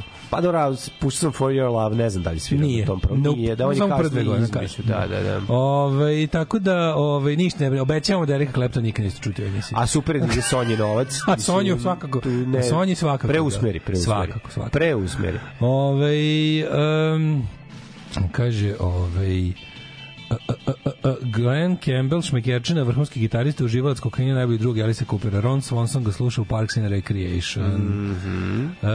ovaj, a, a, a, a, Top of the Pops emisija zbog koje je rodni umalo ubio Del Boya, tad sam prvi put čuo za Top of the Pops. Da, da. Znaš kada su, kada on a Bunch of Wallis, znaš to kada... Gde su i trebali da idu na to. Ne, nego, nego rodni napravi band kao punk band Da, da, da. u mesnoj zajednici sa onim nekim re- retrusom Da, iz grade. sa I Mental Mikijem, I Mental je. Mikijem i onda ih Da, ovaj, da, da. ovaj ih ubedi da ovaj del koji koji plati ovome, jer mu, jer mu je ovaj rodni prestao da mu dolazi na pijacu, Da. onda ovaj plati njemu da više, da ga izbaci iz benda i on kao, ma kao bolje ti je bez njih i onda ih vidi sledeće na Top of the Pops, Da, kao da, da, jebem da, da, da, da, da. A ja izašao iz benda, kao. Ovaj Tito preko kurca preneo, preneo ranjenika ispod nabojela neretva. Pa da, uspostavio most. Ovaj uh, kaže ja sam ubeđen da ja sam ubeđen da je to sa kolima skeču Beckhamovima. Nije ljudi, mislim, nije skeč, dokumentarac je, nije glumljeno ono. Ovaj um, O, kaže, šta je ovo debeli sipao dobrom čoveku u vinjak da se ovako od ujutru bahati i baca ovako loše fore? Je to neka mušna špankica ili nešto drugo? Imam i specijalne droge za, za koje uzimam svako jutro za loše fazone. A, ja sam luda koji je svaki dan koji je svaki dan zvao Dial MTV. Pa i joj, sećaš Dial MTV? I dan danas znam na pamet broj 99444 8346 1061. Svaka čast. Ako je ovo, evo sad će se nazove, možda se javi Ray. Cox, jebate. I Rebecca Deruvo. Dial MTV, sećaš te emisije? Je, Sećam se. MTV Dial. Ju, ju, ju, kako je to bilo dobro. Ove, mladene, who's born on this day? Oh, Who, yeah. who's born on this day? Tell me. On today's day e, skrećemo se ovako. 1201. Robert de Sorbon, francuski teolog, osnivač univerziteta Robert. Šalim se, Naravno, Sorbona. pa njemu se zove Robert. Robert, Robert. Robert. Université de Robert. Sorbona 1201. Ko je? 1201. je 1201. ro- osnivač univerziteta. Brate, Da, da, da. brate mili. 1261. Dinis, portugalski kralj Portugalije. Dinis Pirtigilski. A ga čita. 1757. Charles X, ne znam da znaš to. Ba, Kako ne, Charles X porničar Charles francuski. X, teški porničar. Teški francuski porničar. Prvi francuski porničar, inače francuski kralj pornića, ovaj, 1757. rođen. Na današnji dan uh, Jožef Kočiš, 1788. Slovenački pesnik, istoričar i Kočiš. Čuveni kočišaš. Sloveni Kočišaš. Čuveni slovenački kočiš. Godine je to bilo? 1000? A, 1788. A. 1835. Camille Saint-Saëns, Camille Saint-Saëns na lutki, kako ne bi znao. kompozitor i klavirski Ne, karneval životinja. Virtuoz, uh, preminuo Virtuoz, što bi rekao moj stric. Virtuoz, pre- Virtuoz. uh, ovaj, preminuo 1921. ali je stigao da izbaci mnogije Da, karneval životinja sa Camille Saint-Saëns. Pa ja mislim da je sahrana karnevala životinja Lutke. njegova. Da, da, da. O, Sahrana benda lutke. Ove, 1852. Herman Emil Fischer, nemački kemičar, dobitnik Nobelove nagrade za kemiju. Kemičar. 1902. A 1854. rođen je Michael Idvorsky Pupine. Pupine. Pupin. Pupin. Pupin. Naučnik, eh, nema, američki naučnik i pronalazac. naravno. Jebi ga. Pa Sve- jebi ga američki naučnik. Da. Ovde nije bio naučnik, ovde je bio ono banatski čoban i američki naučnik. I znamo njegovih od raspevanih uh, naučenjaka do, do, do, do Marsovaca. velikih slova. Čuvena, ovaj, čuven njegov roman. Za koje je dobio pu Publicerovu nagradu. Dobio je, da, da. E, imaš nešto? Alfred 1949? Ivors 1859. Rođen, e, 1873. Jako važan čovjek, da li njega ćeš znati? Da čujem. Uh, uh, Karl Schwarzschild. Uh, nemački... Ajde, šta je? Pa kako ne, pa... Ajde, ovo moraš da znaš, sad nemoj zajebavati. Moram, pa ne, mislim, malo me vređa što me pitaš da li znam. Pa, da, ono je, evo Ko je te, ono, ne smisla- pojma. Stvarno ne? Karl Schwarzschild. Da, da, da, Ne da. znam ko je Karl Schwarzschild. Jebote, s kim ja vođem. Aj, dobro, pa Ajde, sad, ne dobro. stignem ja sve da znam. 1874. Nikolaj Rerih, sad kao teško govno, kao Kao neće mi kaže ko je. Neće, nemam pojma. Dobro, i ne treba. Ba, Pa ne znam, ne znam, Ne znaš, ne Ne znam. Ne, ne, ne, u redu, u redu, jebem ti ljudi. Čovjek koji je izmislio motor sa spoljašnjim sagorevanjem. Tro, trotaktni motor. Smis, smislio je gaće sa unutrašnjim Sagorevanjem i sa- ispredevanjem. sa unutrašnjim pregorevanjem, e, sa spoljnim pregorevanjem, Trotak. zagorevanjem. Ima gaće sa zagorevanjem. Misli trotakni motor može. 1800 Dobro, sinkopirani. 1074. Niko Aj sad mi još reci, ne Nikola znaš ko je. Laganini, znam čovjek koji A počeo prvi ne znaš ko je Nikolaj Rerih, onda stvarno, ono, Pa se... Rerih čovječe, Rerih, on je izmislio te raritete ovaj prvi. Rerih, jeste. Max von Laue, Čovjek, Ma- Max von Laue je otvaranje u šahu čuveno. Laue je ovo otvaranje, je li tako? Jebote. Nije. Da li znaš ko je Ivo Da. Andrich. Andrić? Ivo Andrich. Znam, pevač Andrich. Brit Bob benda uh, uh, na Drin Ćuprija. Da, da, da, da, da. Stvarno, Ivan je danas, danas rođen. Rođen, Isto da. kad je Johnu Lennonu. Da, da, da. John Lennon rođen danas neki 1940. Ne nerviramo Srbije totalno, ovaj, uh, čuveni hrvatski Nobelovac. Čuveni hrvatski Nobel, jugoslovenski dovoljno je to. Mlađo, Ne, ništa ne. srbendijance nervira kao Jugoslavija. da, znači, da. mlađo, ja kad na Twitteru mogu da kenjam, što, mislim, ne mogu da kenjam ništa, za sve mi skaču na vrat. Ali, kada pominjem Jugoslaviju i veličam Jugoslaviju, to je naj to je gore. Znači, ej, Znači, znači, onda su bratstvo i jedinstvo u hejtu Znači, prema tebi. Kosovo je nezavisno, izaziva manje hejta nego Jugoslavija je najbolja država na svetu. Jel mi veruješ? Da, da, da. Kada merimo ono posle i, i go- gomilu ovih ovih komentara, znači najviše na svetu se botovskog i, i smrdljivog ruskog uticaja ulaže u ogađivanje Jugoslavije. Jeste. To je nešto neverovatno. Pozitivno izjašnjavanje Jugoslavije ti donosi najveću mržnju na Twitteru. Da, da. Since 90, ovaj, 48 Rusija ulaže u raspad, u raspad raspad Jugoslavije. Jugoslavije. I 1991. to ulaganje konačno se isplati. Tako je.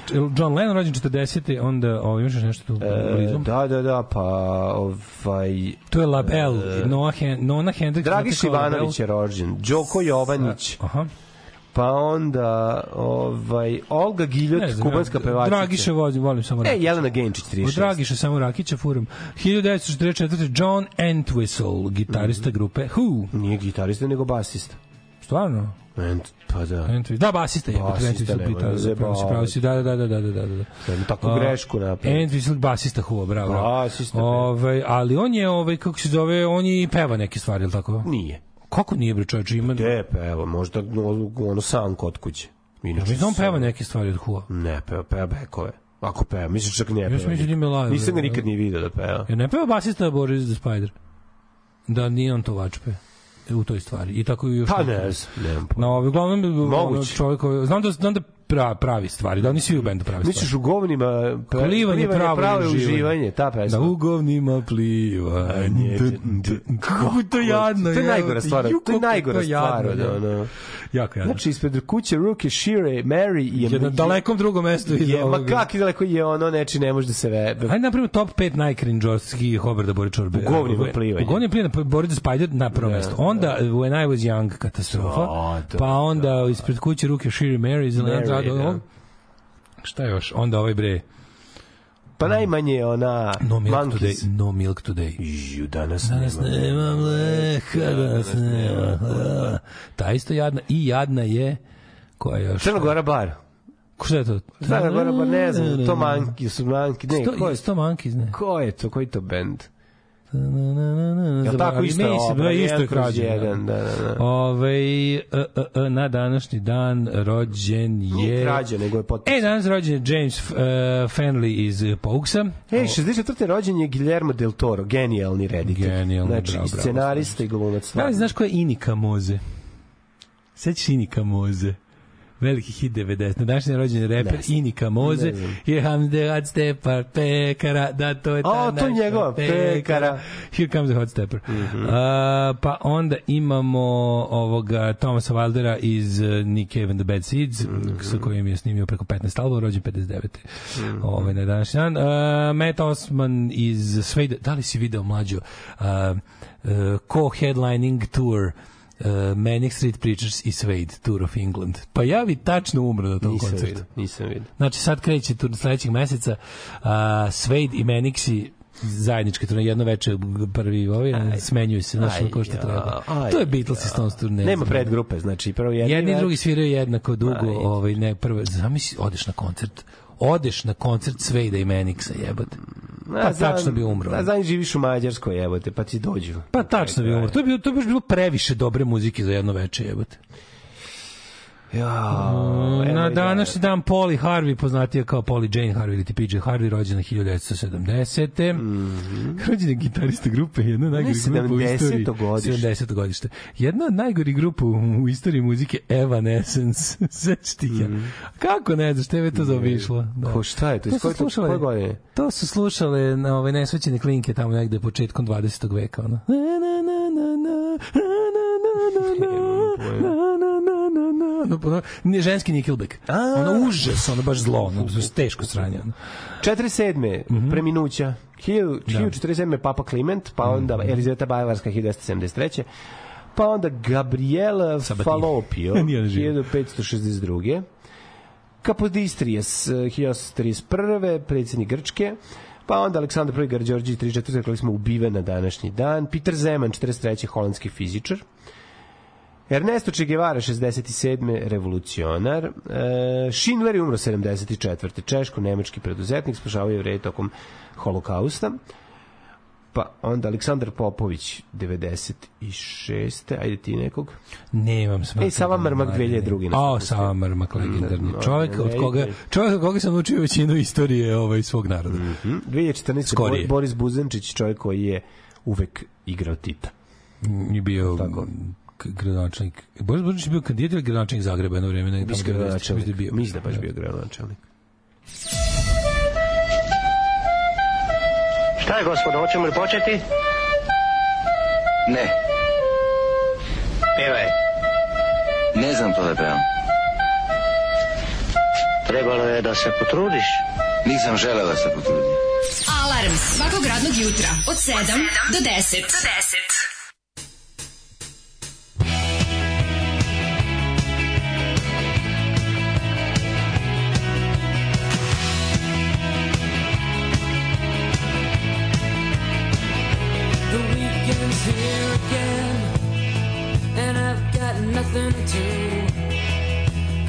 Something new, but no one ever comes. Now I've got nowhere to go, so I turn on a TV show. Ah, but nothing good comes on, it never does. Whatever happened to fun? Whatever happened to fun? Whatever happened to fun? Whatever happened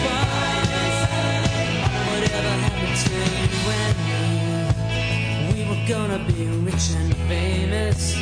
We were gonna be so outrageous that no one could pull us apart. Now you tell me there's a change in plans, and our castles were just made of sand. I try to act like I understand, but I don't at all. Whatever happened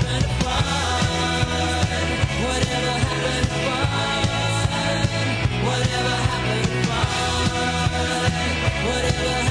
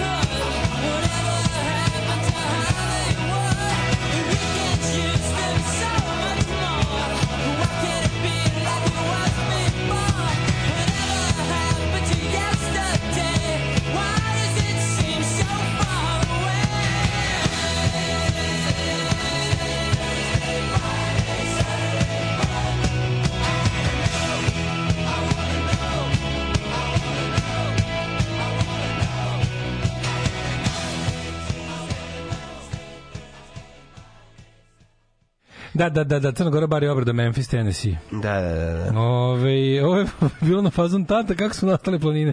Ne znam, sine. Tata, kad je počeo prvi svjetski rat? Ne znam ni to. Izvini, tata, što te stalno gledam s pitanjima. Ništa, sine, ako ne pitaš, nećeš ni znati. Odlično. Autonomaši, puštite novu stvar od našeg Đurička, dobro te čuvaju. Nećemo to slušati, slušajmo dvor se nove. Šta, šta, šta, Đurička šta? uzeo da peva. Ja bih ga, znaš, znaš je moment kada misliš da sve dobro radiš, kao, kao što je to često slučaj sa lekarima i, i ostalim ljudima koji imaju u I životu. advokatima? I advokatima još gore. Ove, A kako ne, se zove? u kom bendu? U, u, u ne bendu. Ba, ali Đuričko je bio član mnogih bendova. Sećam se svirao bendu Sport ili Inkarnacije i slično. Da. Nije mu ovo prvi, nije mu ovo prvi susret u muzikom, ali mi se ne? čini, ne, nije. Nije, ali mi se čini da mu je ovo prvi pevački uradak. Ovaj. Dobro svirao je It's not drljao je good. džitru It's not u- good. Drljao je džitru u ovaj posljednji krug u Monci Jel jeste? pa mislim na ulici je vežbao A, da, da, da, da, da. svirao kad bio klinac Ove, e, banatski čoban je američki naučnik, koliko se smijem na ovo, a nije ni smiješna, samo je konstatacija. Ali banatski čoban je super nadik. Pa jeste, da, da je ostao, da je ostao, da je ostao ovde, ostao bi čoban. Ovako, isto koji Tesla, mislim. Pa, da. Bio bi njegoš za plugom. Ovako otišao tamo gdje se može. Pa gaće se rade sa pregorevanjem unutrašnjim. Stara dobra Jugoslavija, borba te rodila i te kako važi na Twitteru. Mrza Jugoslavija, pički materija, ja sam teo da prenotim bez razgovaranja. Ti ćeš meni da objašnjaš šta je propali sistem. Ove, e, Daško Jurio vona bi gotičarke da prca. Nema drugog načina da je znao za Evanescence. Poštujem kolega, poštujem. Ljudi, nije to bio teški mainstream. Evanescence bio teški mainstream. Znam da mi bar dva njihova albuma palo šaka dok sam ove, u, u CKM-u recenzirao i davao im ono za Perloković zvezdice. ocene ono, Da, pola da, da. nikada ono. Sve samo ne bili stis- stiskao gotičarski sise. Da, u- to je u korsetu. jednostavno, To je to. Lepe blede sise sa pokojom bobuljicom. Danas je rođena i vaša slušalica Alex, to je, to jest ja. Draga Alex, srećan ti rođendan. Srećan rođendan rođendan. će se dobiš novu pesmu Dvorca koja je potpuno genijalna i u kojoj A gde Black ću da je nađem? Evo ja sam se prikačio. A ti puštaš, Large. Professional. Pošto jako dobro, da sam je u slučaju pred spavanjem, jako sam se... i, Da li, da li znaš da recimo isto dobra stvar nova, mislim, kasnije sam, kasnije sam ovaj, Mađurička? kasnije sam saznao da je obrada od Stonesa. Od Petera na Test You Baby, od kojih ništa dobro nisam očekivao već zadnjih ne znam koliko. Snimili su obradu od Stonesa Mom is Little Helper, što ja nisam znao da je stvar Stonesa. to mene zajebaš, Nisam ne znao, znaš da je nikad, to nisam stvar nikad slušao taj album, taj, to je Aftermath, da nisam nikad slušao. I, a nema je na Best Of-ovima jebi ga. ono.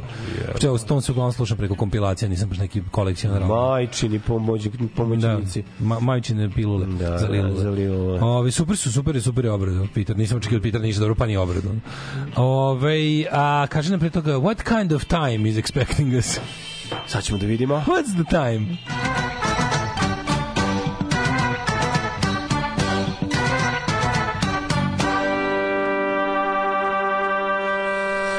Sad ćemo mi da vidimo dale, ja znam da ti živ nisi da saznaš kakve nas Pa vreme. zato što se plašim pogoršanja vremena. Ja sam u fazonu da li ćemo moći da izdržimo ceo oktobar bez grejanja, a mislim da bismo mogli. Pošto se dokle god vidim da je dnevna temperatura će prevazilaziti debelo 20 stepeni, što je naša nada. Jutro hladno, ne, hladan dan, došao dragi u tvoj stan. 9 stepeni u Subotici, Somboru, Novom Sadu, Zrenjaninu, tu je negde Kikinda, ove, malo opet hladnije. Beograd sa 11. 7, znači Mitrovica 8, Beograd i Valjevo 11, Kragovac, Izvinjavam se, Vranje, Stropskih 13. Crni vrh Petarda. Gari, dolazi zima, Koliko je sjenica, to ti duga i hladna. Da li u sjenici već? U 8 vidiš isto koji Novi Sad. Da, da, da, da. Uglavnom sve jednocifrene- Ponik Petarda isto. Boga Da, jednocifrene temperature, ali kažete meni dokle će se Vozdignation E, today? da vidimo mi narednih dana. Vozdignation. E, da vidimo maksimalnu temperaturu. Biće preko 20, što je najvažnije. Prognoza vremena za narednih 5 dana. Da, da, danas 22, najviše. 23, 22, 25, 27, 27, prijatelji Da, da, moji. biće- Do- biće- biće još Do petka, Ju što će sreda biti lepo s 25, a jutro 13. Sutra će, sutra će bude nešto, nešto gadno, ja mislim, neki zahlađajiš. Neće. Ništa, ne, ne poko, Pa, kišu biće ne pokazuje biće njih. malo, biće malo Pokazuje kišu. ja. Ali 14 jutarnja, tako da biće okej. Pa, rate, zezanje. Pa to, šta ima kod tebe? Evo, dobro, mlađo, daj ti dobro? meni, ma moji su dobro, daj, slušaj novi šta We will ti dare, ja čekam da izađe album za mesec dana. Ajde. Raise the Brackley Glur. No, Um, yeah, I think it's pretty fucking good.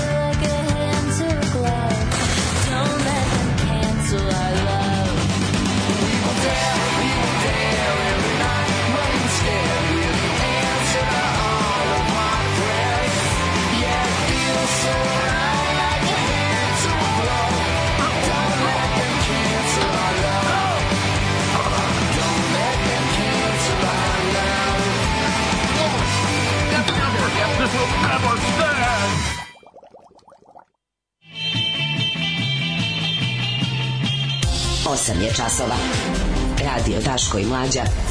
Prvi program.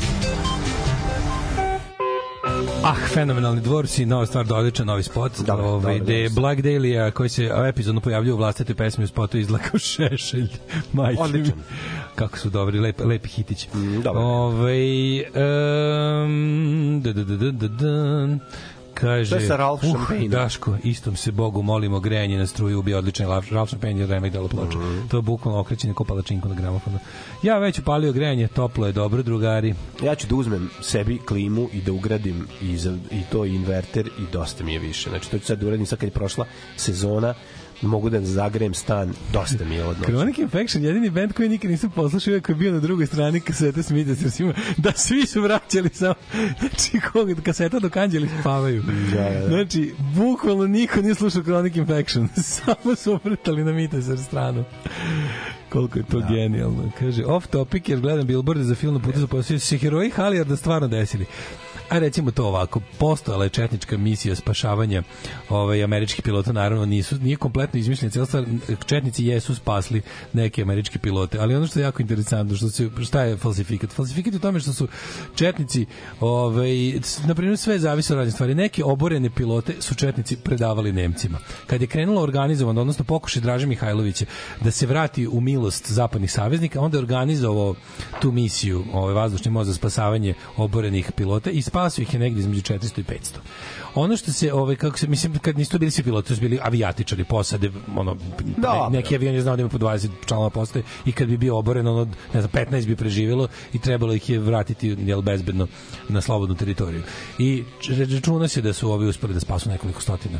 Ali meni je najbolje što to nudi kao jedinstven i ne znam kakav događaj. Znači, to što su ovi kao četnici preko aerodroma u Pranjenima uspeli, ne znam, naprave pistu na kojoj će sletati avioni, pokupiti ove svoje i ostalo. Jeste, su super, mislim, treba, bravo, svaka čast. Ali, ove, kako zove, to, to je jedna desetina broja pilota koje su spasli partizani. Znači, bukvalno jedna desetina broja. To je, to je nemerljivo. Razumiješ, to je kao recimo da praviš, kako ti kažem, kao, kao da praviš dokumentarni film o šestom u trci od osam. Mislim, kao nije bio poslednji, ali daleko od toga da je bio prvi. Ali da ne pričamo o tome da će taj film pored, pored premise koja je, jel, znaš, to nije potpuno fabrikat, to nije potpuna laž. Film nije potpuna laž. Film je, film je ovaj, poluistina Da, na ko, koja je nije onda, opkoljeni. Film je poluistina koja neće služiti, da će se kroz tu priču koja je kao samo ovaj kako se zove povod da se ispriča veća istorijska lagarija Da, o, da. nar, o narodno slobodilačkom karakteru četničke borbe koje nije bilo mislim. Pa da, da, da. Znači ostaje istorijska istina da su četnici svoje Dobro, jedine znaš, znaš da je revizionizam razlog Četnici su svoje za ono jedine kako da kažemo ono poštene i oslobodilačke trenutke doživeli u sadejstvu s partizanima i to je završeno u novembru 41. Nakon toga oni pazi ni, nikad nisu bili antifašistička vojska, ali od novembra 41. nisu čak ni antiokupatorska vojska.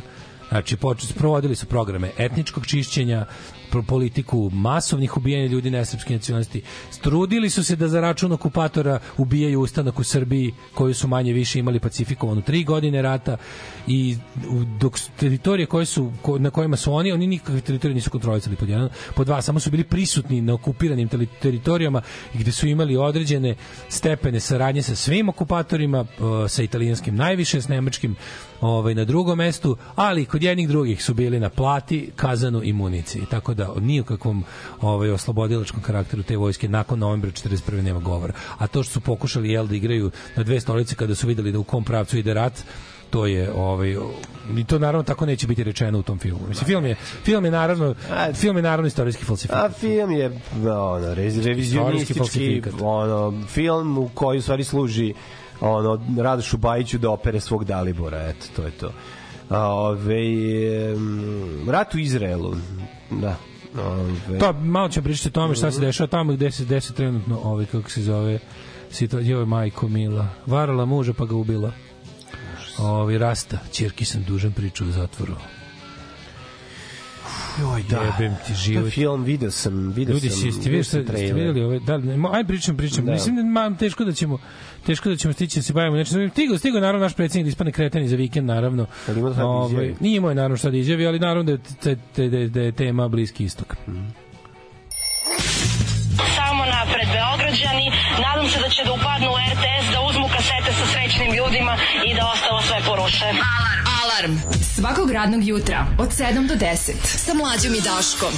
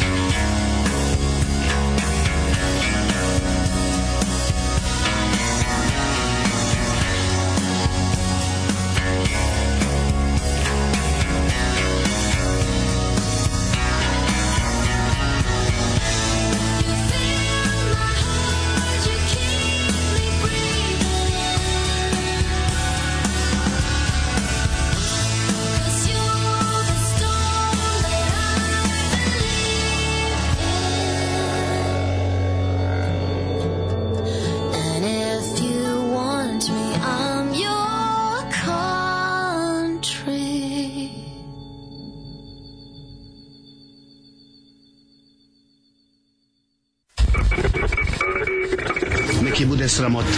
Fuj, džubrad jedna bezobrzna politička. Fuj, fuj, fuj, govna, govna, govna, govna, govna. Stvarajte govna i gušte se govnama. Alarm svakog radnog jutra od 7 do 10.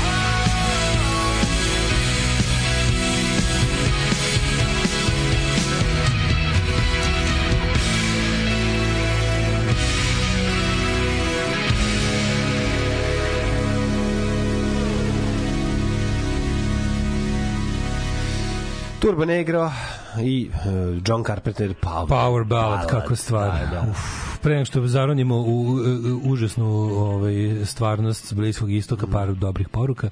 Mlađo, oblači uske farmerke, idemo večeras na Enforcer u Zemun. Švedski retro heavy metal. Nešto kao ghost heavy metala. Da, da, da, da. Debeli laneš li šta na band silovaću ti Vespu. Kako da lanem nešto na band koji se zove Enforcer, ja sam potpuno očaran. ono. Mislim, vjerojatno ne bi, vjerojatno ne bi volao ni ja njihov ton, ali bi bio, ali bi bio apsolutno ovaj, očaran. Band se zove Enforcer, genijalno ime za band. jebote. Enforcer, znači to To bi, ja bi čak možda odšao na to čisto kao fenomenološki, da, da vidim, da mi je malo bliže, nego što To Zemun. će sigurno biti dobro. Ne idemo Zemun, ali da su u Novom Sadu, išao bi ja u uskim farmericama na Enforcer. Eto, to, da tako je vreme došlo. Ja sam već spreman za infoser kad me pogledaš ovako. Ove, za novije generacije milenijalce Gen Z, Androide i ostali četnici su bili goblini iz gospodara prstenova druga liga čistača posle bitki, da tako da im tako objasnimo. Da. Da im da shvate lakše. Ovaj kaže četnici su majora Atertona kad smo kod Save Mrnka u njegovog šifranta zaklali zbog čizme. To je naj, jedna od najtužnijih stvari.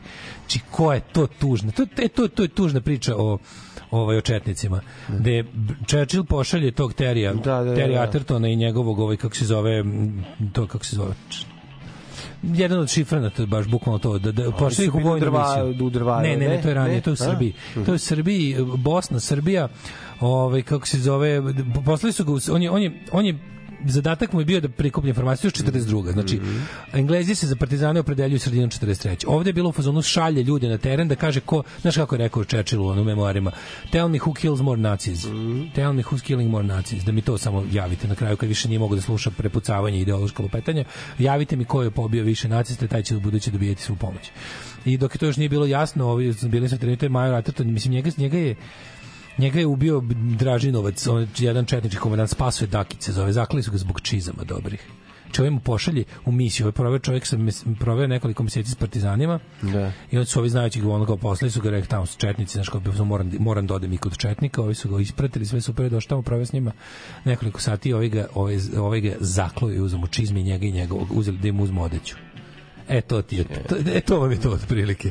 Da čisto da razumete. A znaš on kao, što je to toliko teško shvatiti? Jel, vam teško zamislite se to danas dešava? Ne. Ne, pa to je Mislim, to, da. jel, ne, jel možete zamisliti situaciju u kojoj grupi? Mislim, to su ti ono kao, četnici su ti ono kao delije, sever, navijači, likovi izmećari, ono nekog kokainskog bosa, ono kao, to, su- to ti ono kao, to je ta ekipa, tačno ih može zamisliti 2023. Iste te ljude. Isto Jezivo, to, kao siluju, kolju, pljačkaju, nekontrolisano, a sve vreme kad ih pitaš šta rade, bore se protiv novog svetskog poretka. Da. To je ta priča, razumeš ono, mislim. Jezivo, jezivo. Ove, e, pred kraj drugog svetskog rata sa teritorije Srbije evakuisano je 2392 pilota. Od tog broja 2010 evakuisali su partizani. Narodno slobodački pokret Jugoslavije. 382, preciznije 330 kod misije Halijard je e, evakuisano uz posredovanje četnika. To su činjenice.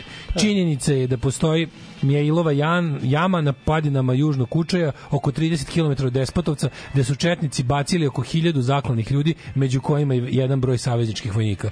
Dakle, sve pilote koje nisu zaklali i predali Nemcima su spasli. Su spasli, da. Može tako da se kaže. Mislim, mi ćemo sad gledati jednu, ti si vidio na šta to liči, to je ono neki pokušaj, Ma neko, to je toliki to- Gledat ćemo to je u, super, gledat ćemo znaš je dobro?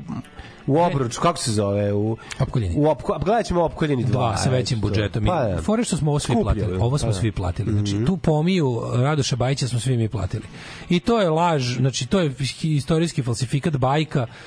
Nemam ja ništa protiv umetničkih sloboda ali kao na znaš, tamo će pisati ovo inspirisani istiniti događaje, biće neki bullshit. Tužno što je američka ambasada učestvovala u tome. Jednostavno, apsolutno je to jedno pravljanje istorijskog paprikaša koji ima ukus govneta i mislim, jebi ga. Mislim, ja razumem, ja razumem da recimo Amerikancu kojeg je, koji, 300, 300 i nešto njih su spasa Da, četnici. da. Njima, njima su četnici super, ja to razumem kao ono. Ali, kao, ali ti znaš da će priča, priča biti iskorišćena, da se, ispri, da se ispriča veći istorijski falsifikat.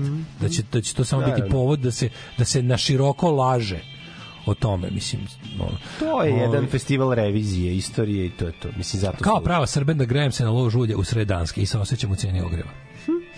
Ove, To je loš ulje. Ja kad sam bio klinac mislio sam da to loše ulje. Što i jeste u suštini. Pa šalio sam se, neću da vas napustim, vi ste moje zvezde vodilje u 2020. Samo sam čeo da čujem kako se dale loži kad spomenem kleptona. Ove, jedan vaš slušalac je banatski čoban. Vlado izmisli neku četvorofaznu struju i ja te vodim u Ameriku da budem Westinghouse. Ove, e, da, šta smo imali za vikend? Naravno, glavna svetska Imali vest je bio, ono, da. je bio ovaj, iznenadni neočekivani napad Hamasa Da. na, na Izrael. Ono, je- mislim, ono je jedno potpuno Da, varvarstvo ono i je. divljaštvo i apsolutno nedopustiv jezivi, jezivi masakr koji su ovi izveli. Mislim, ono je stvarno tuga.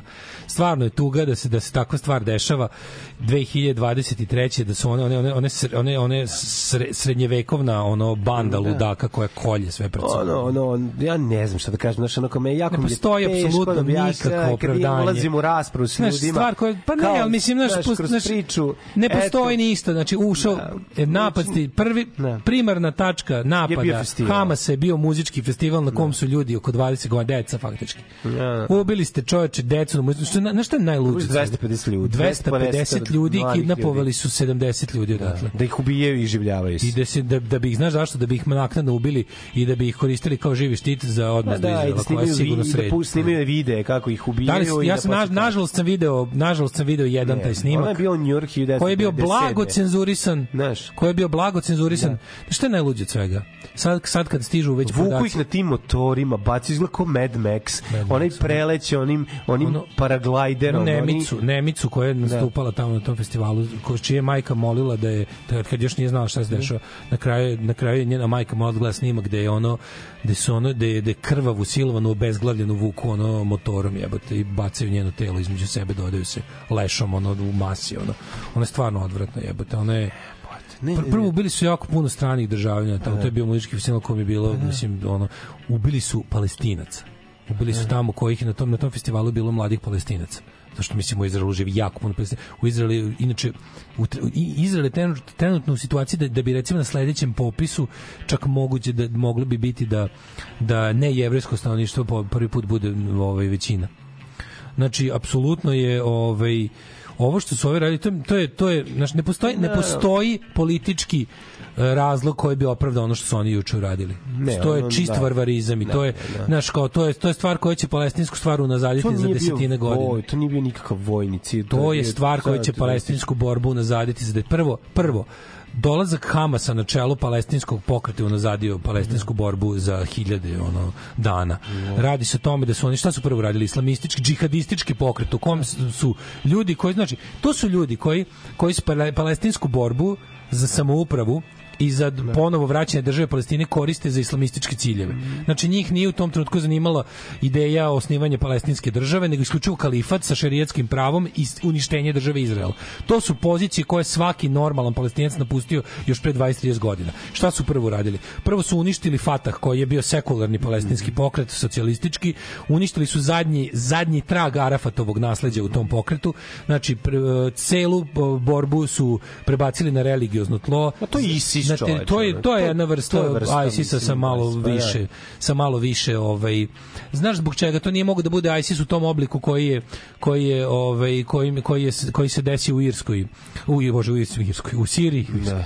ovaj u isto ne da kažem i ISIS i Sirija pa ispod Irska. Uh, koji se desi u, na teritoriji Sirije zato što je zato što Palestinci kudi kamo već imali neku vrstu istorije uh, sekularnosti i i ovaj i, i ajde kažemo radničkog pokreta pa su onda i oni svoju svoj islamizam prilagodili vidiš da je to religiozni mrak, prilagodili razumeš? vidiš da Da. mrak znači mislim znaš Da. onako uh, znaš ono niko niko nikad ne spore čak i kao najveći oni ljudi koji koji se suzdržavaju da kritikuju Izrael zbog bilo čega ne spore da Izrael u mnogo čemu nepravedna država koja ima dvostruki aršine i neku vrstu apartheida za svoje građane koji nisu jevrejske veroispovesti. Kao Izrael tokom vremena postajao sve demokratski demokratski situacija postala sve bolje i bolje.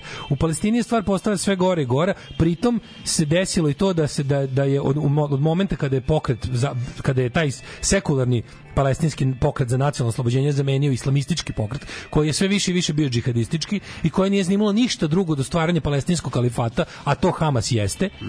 I, znači, odatle je došlo do ogromnog egzodusa ljudi. Znači, pored, odavno se iz Palestine ne iseljavaju ljudi zbog, zbog ovaj, kako se zove, izraelskih e, intervencija u, u, nego zbog toga što neće da žive u šerijetskom zakonu. Hamas je tamo vladajuća stranka.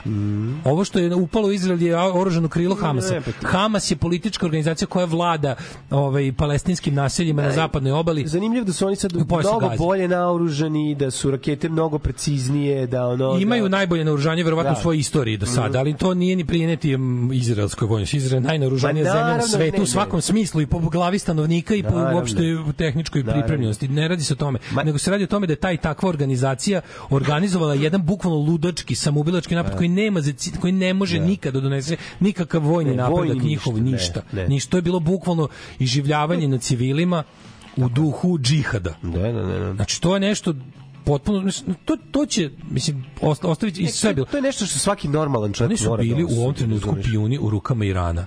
Jedne ono isto poludele države. Što što je čudno što ljudi što se što isto i mene zaprepastilo jer kao znali smo da Izrael ima pretnje s severa i juga različite. Obično je pretnja uvek bila iz, iz ove, kako se iz Beiruta, gde je delovao Hezbolah, koji je, podsjetimo, šitska organizacija među muslimanima i čak i musli, muslimanskim radikalima, islamistima. I ovdje se postoji rascep i to ogroman sektaški rascep koji je jednako u, kroz istoriju odnosio žrtve.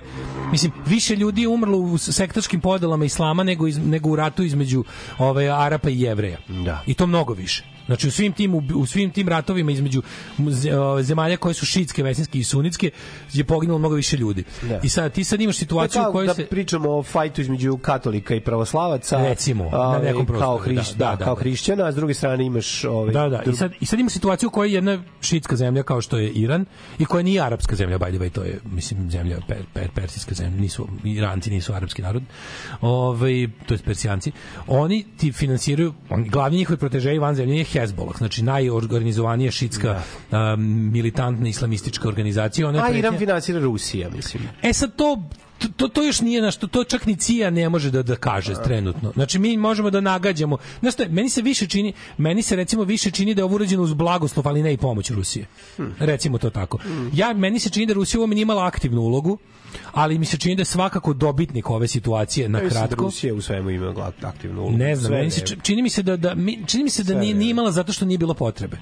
Meni se čini da Rusija nije imala potrebe, zatim jer je Iran dovoljno sam lud da radi takve stvari. Šta se dešava? Po prvi put u istoriji imaš približavanje Izraela sa nekim jako važnim i velikim uh, arapskim zemljama kao što je Saudijska Arabija, sa nekim, pazi, o, Izrael već ima priznanje sa Jordanom, sa Ujedinim Arabskim Emiratima. Izrael je počeo da gradi bolje odnose. Znaš, što je situacija? Četiri puta više ljudi iz e, teritorija sa pod kontrolom Hamasa ti je prešlo da živi u Izraeli tamo da se obrazuje. To ovi mračnici ne mogu da dozvole. Da, da. Jer mora da postoji ta priča, znaš, oni oni njihova politika je detu Izrael. To ne može biti politika ničega više. Znači tu politiku je Prvo, oni tu politiku ne mogu dobiti. Ne to je kraj priče. Jer je Izrael to je 10 politika, puta to je politika lik. koja vodi u večitu patnju svih. U manje, u, Ali- znači, u manju patnju Izraela i ogromnu patnju Palestinaca. ali u večitu prodaju naoružanja ogromnog. Ali znaš što je najtužnije? Najtužnije je to što znači ti naravno vođe Hamasa su milijarderi.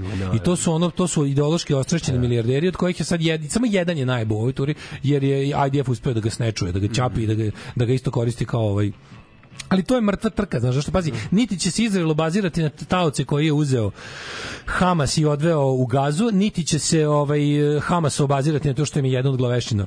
Da. Mislim, neće to puno vrediti. Izrael će ovo likvidirati, ovi će, i isto tako će izvesti raketne napade na ono što su već planirali kao, kao odmazdu za ovo što se desilo. Ali, znaš, kao kada ti, je, kada ti jednostavno tvoja borba, kada tvoja borba dobije oblik ubijanja nedužnih civila na... Gubiš. Gubiš, gubiš, gubiš da. trajno, Tako gubiš je, trajno, znaš, ono kao, niko ne kaže, niko ne kaže da u napadima Izraela na na ovaj kako se zove na teritoriji koje drži Hamas ne stradaju deca. Ne, ne, ne. naravno. Ali kao postoji razlika između toga kad ti kažeš mi ćemo bom, znaš, Izrael najavljuje svoje napade, što ih ne čini manje groznim, ali ih čini lakšim za preživeti.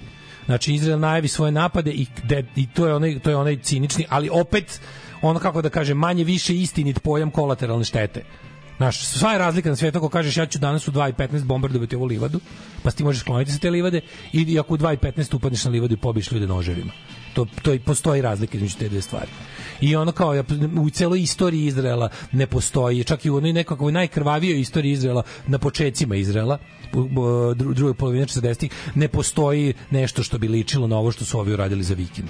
Mislim, ovo je jednostavno kao od, od, ono su, ono su scene od kojih ti se povraća. Naravno. Ono su scene od kojih ti se povraća kad gledaš.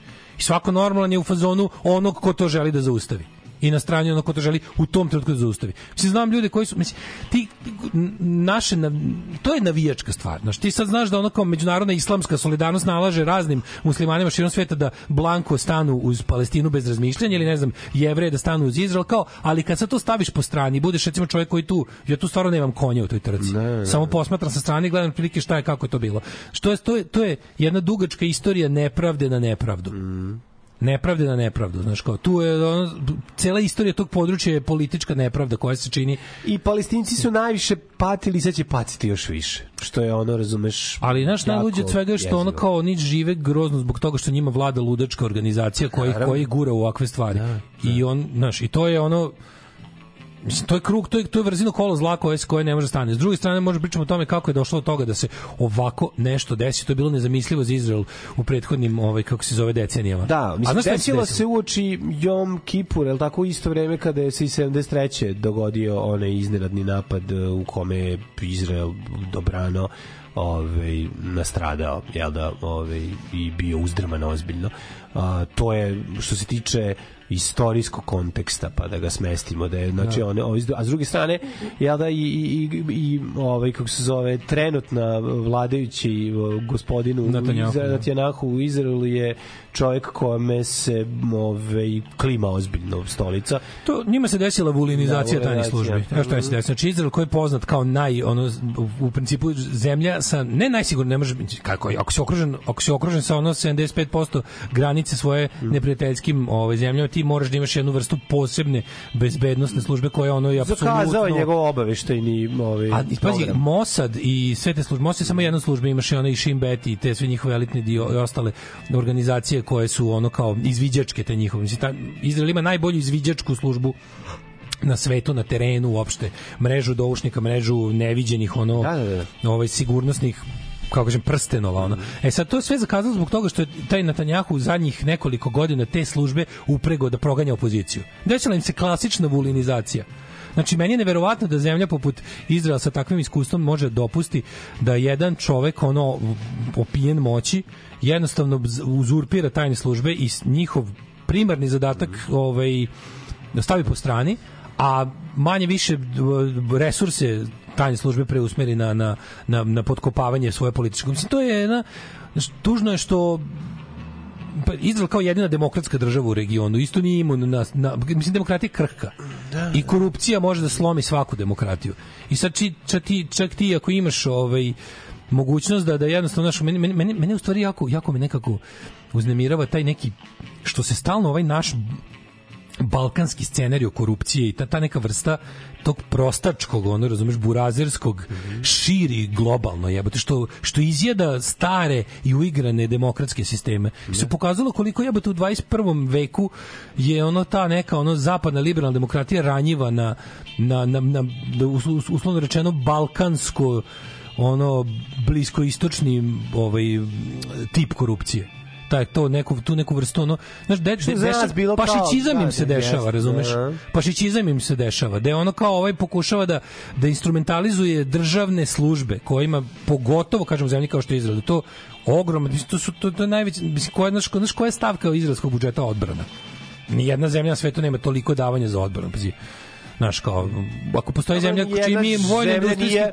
nije okružena brigama. Da, da, da. Kao, Nijedna zemlja nema vojno industrijski kompleks kao Izrael. Da. Čak, i- čak i Amerika koja ima najveći vojno industrijski kompleks na svetu nema ga u odnosu Odnosu na na, svoju veličinu. na svoju veličinu Da, broj da, da. stanovnika i bruto nacionalni proizvod, znaš. I sad ti imaš tu situaciju u kojoj se desilo to njima i to će, mislim, znaš šta, ovaj sad, e, kada se ratno stanje uvek pogoduje vlasti.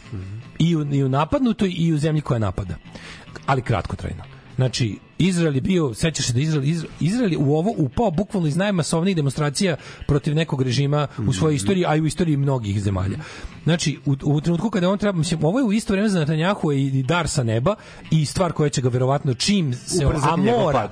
Da. mora, ne može tamo da bude permanentno ratno stanje, plus što je Izrael rešen da svoje ratove, o, ima tu doktrinu brzog rata. Da, znaš. da, da, da. I sad ja ne verujem da će oni mnogo cediti, znaš. Ovo, mislim, ustanak će trajati taj, ko, ovaj, ali će se vratiti na neko stanje od pre ne znam koliko. I sad, ja mislim da će, mislim, ovi mogu da bude politički kraj eh, na Tanjahu, ali pre toga će verovatno biti, znaš, pre nego što bude bolje, biće gore. Mm. To ću kažem. Dobar dan, ja sam najmenica, radit ću sve, kopati vinograde, prati vunu, žeti. Ajde, ulazi. Alarm, alarm, sa mlađim i Daškom.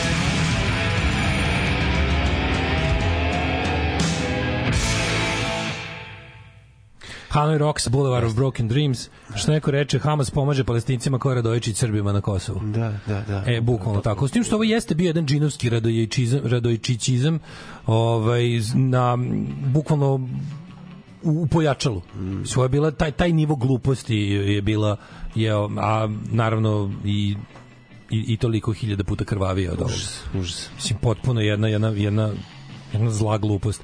Mislim, znaš, kad, kad gledaš saopštenja Hamasa, ti vidiš da to odavno nema veze, znaš, neko je poslao poruku, baš kao, kao od kada je, od kada je ovaj Fatahova, to je Starafatova intifada zamenjena džihadom. Ma da, ne, Dobija se ovo, znači intifada je, intifada je ustanak koji ima za smisao da poboljša položaj palestinski. Mislim, od, odavno je, odavno je mera za ono standard za pregovaranje takozvani two state solution. Hamas to ne priznaje. Oni su u fazonu death to Israel. Ako ćeš death to Israel, onda prođeš ovako.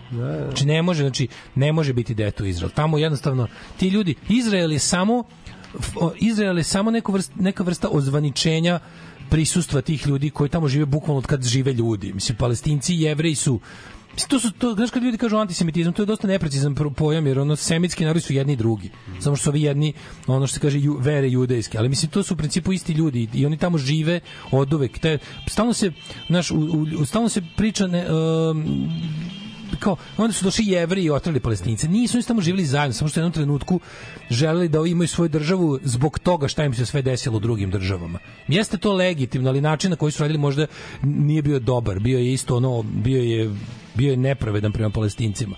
Ali ti sad imaš ono kao situaciju koja eto nepravda, nepravda, neko bi trebao da prekine taj krug nepravde i da kaže ovo više ne može ovako da ide. Znači moraju da postoje dve države.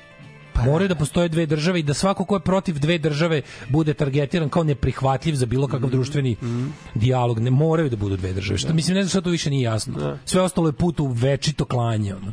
Tako je. I onda znaš i, i, ti imaš znaš, onda su oni ljude u svojim redovima koji su rekli da, koji su shvatili da ono kao da ono život je jedan, živi ga fikrati da ne vredi, već ne znam koju generaciju uvoditi u besmislen život za koji će se biti proćerdan na, na nemoguće, na gluposti, na, na jednostavno produžavanje žabokrečine, ono koje, koja je krvava i, i, Da. i, i gnojava i odvratna. I onda ovi kažu, dobro, i ovi to zamene s time, mislim, isto za interese neke treće države, koja jednostavno znaš, iza toga stoji auto, autoritarni ludački teokratski žež- režim koji želi da kontroliše svaki aspekt života ljudi.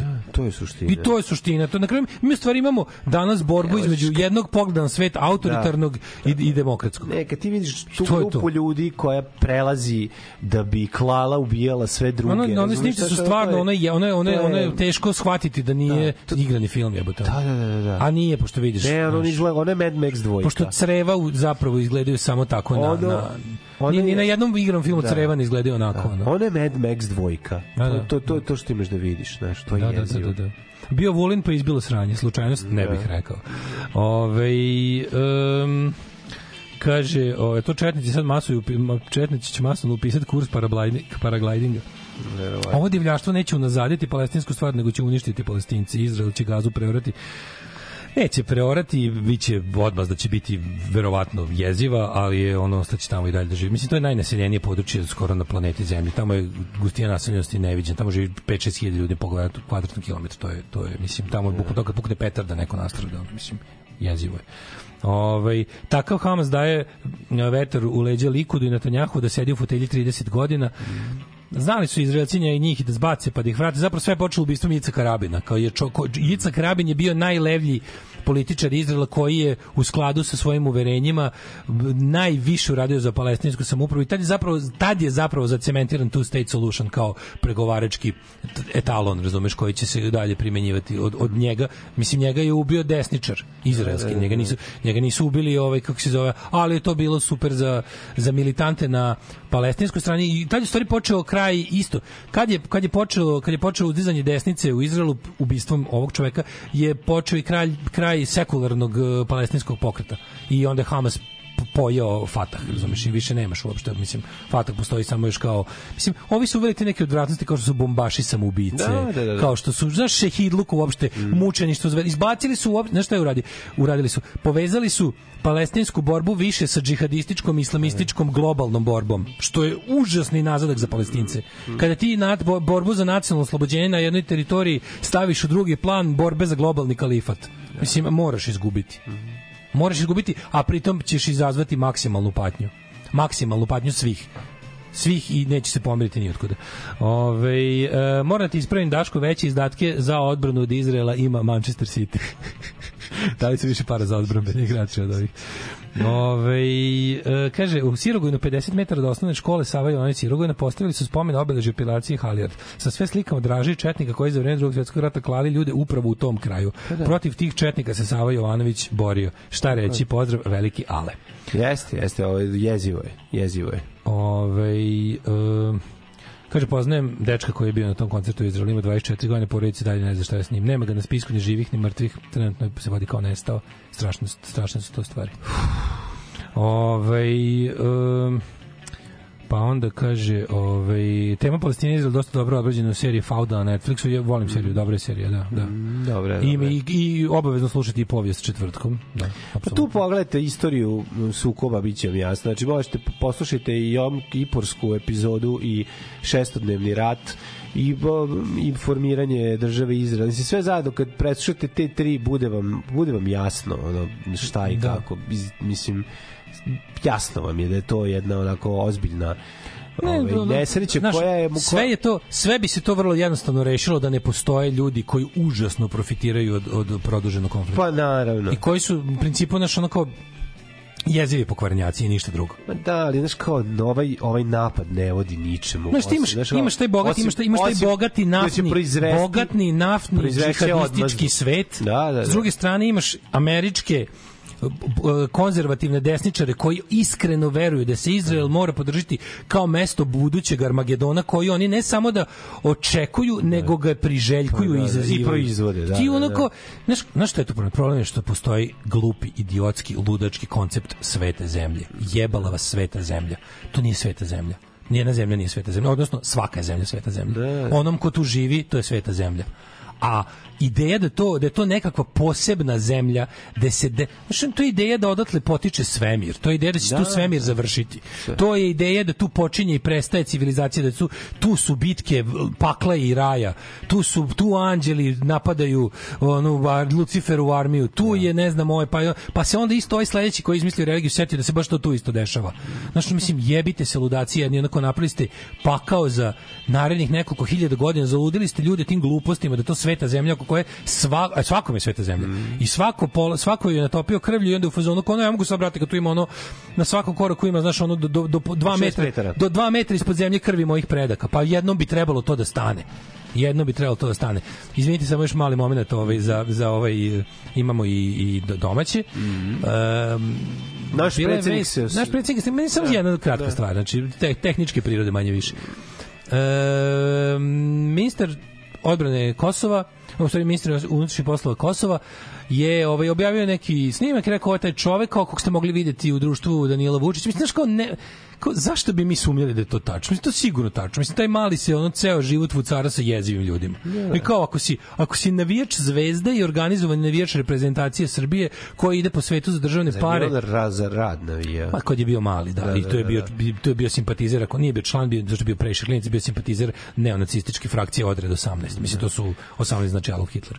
Ove, znači bio je bio je mali neonaci. Iz toga Da, je koji ne znate, to je zbog broja slova. je da, li tako, a, ovaj, da, 18 jedan i je Ajh, osam, da, Ajh, da, da, da, da. Ove, i navijači radi su nešto, mislim, u tom smislu naj, naj, naj Hitlerov, najgore, ovaj, u tom desnom smislu, naj, naj, najbliži da kažu za sebe otvoreno da su neonacisti, da, da, ovaj, da. da se da ne pričaju da ne se da ne da nam ne prodaju ono drugo priču. E sad odatle je on je evoluirao uslovno rečeno mm, kao klasičnom srpskom nacionalizmu, main- navijačkom mainstream ovom klerikalnom Da, da, da. srpskom nacionalizmu i, i ka jebi ga Delijama Sever kao nekako militantnom krilu Srpske pravoslavne crkve i Srpske napredne stranke. Da, i setio se kako je zapravo Miloš Obilić 1389. pre nego što Uglavnom je ubio šanse, Murata osnovao uglavnom zvezdu. ajmo ovako, ajmo reći, ajmo reći to ovako, šanse da taj takav momak sa tim i takvim konekcijama, vezama i interesovanjima ne poznaje nekog bliskom, ne poznaje nekog bliskog e, ovaj ljudima koji su izveli sranje na Kosovu poslednje su stvarno minimalne. I to verovatno ne bi trebalo da bude, mislim, što ne znači da je Danilo Vučić kriv za ovo na Kosovu. Mislim, to nije niko ni rekao. Samo,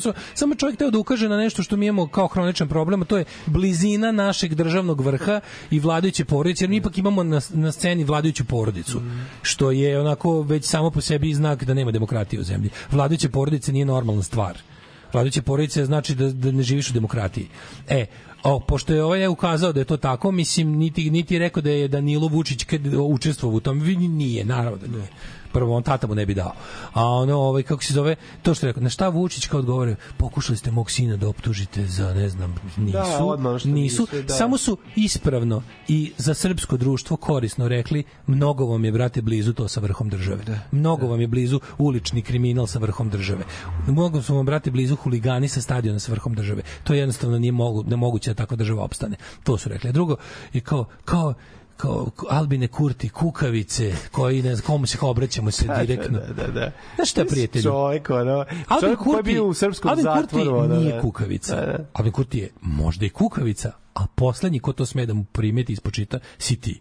Znači, ti ono čoveče kojem bukvalno od rođenja do dana današnjeg samo sve ide niz dlaku. Znači, rasto si zaštićen, on, stigao si do svojih prvih političkih funkcija kao tinejdžer. Da, bre, kao tinejdžer. Direktor postao prvi posao, ajde Da, bre, kao jebeni tinejdžer. Si stigao do svojih prvih Dobio si stan za vreme bombardovanja. život Svaki put kada je ljudima ovde bilo najgore, tebi, Tebi je bilo naj- bolje. Tebi bilo Tebi- bolje. ti bi za Tebi jedan- je bilo najbolje, ne, Ne, ne, svaki put kad bismo mi napravili korak nazad, ti bi napravili korak napred. Tako je. U imovinskom smislu. Ti ćeš čoveku koji u vreme dok se ti selio u- iz stana u stan, dok, do mega stana koji si dobio za vreme rata, koji nisi ni video, o kom si učestvovao isključivo kao huškač, sa bezbedne udaljene od 300, udaljenosti od minimum 300 km, ti ćeš čoveku koji je u tom ratu bio manje više zatvorenik rata, znači koji je kao klinac, kao klinac, zarobljen od strane srpske policije, premlaćivan dve i po godine u srpskim zatvorima, vselili ga iz zatvora u zatvor, kada, kada, kada se videlo da će da izgube Kosovo, premestili ga u zatvore u centralnoj Srbiji. Tukli ga skoro sve to vreme, on je to sve izdržao. I ono kao, ti sad pa možda budeš srpski nacionalista koliko hoćeš, možda budeš ono, a, a ono a, albano mrzitelj koliko hoćeš, ne možeš Albinu Kurtiju reći da je kukavica.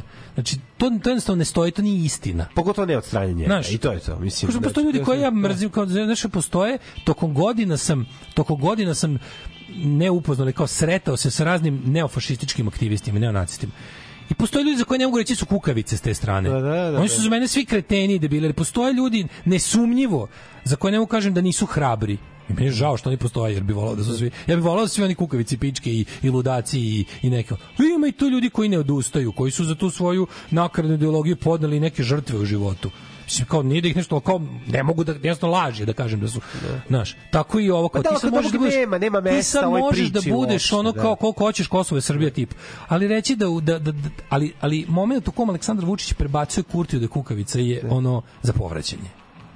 Bože pravde, ti što spase od propasti do sad nas. Alarm svakog radnog jutra od 7 do 10. Od 7 do 10.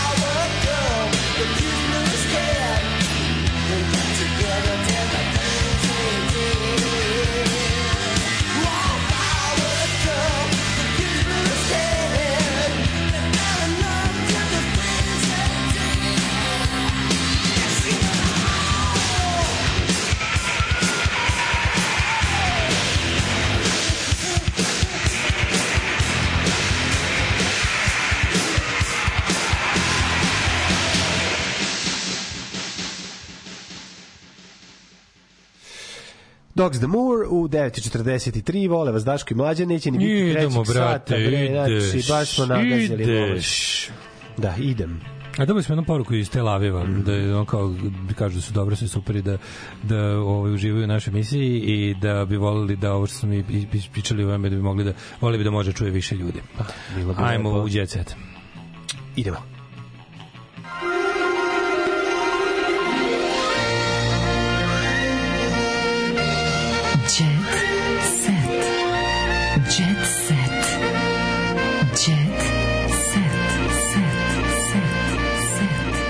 Sanja Marinković uzela i poruka svima progovorila. koji uvek u svaku priču ubace Kurtija, da bi jahali na talasima govana zajedno s većinom. Kurti je izabran na demokratskim i slobodnim izborima, ja bih dodao i dva puta. Dva puta, U brate. njegovoj državi Srbi kojih ima 3% imaju 10 poslanika. Bukvalno pokrite sa ušima, da ne kažem jete govno.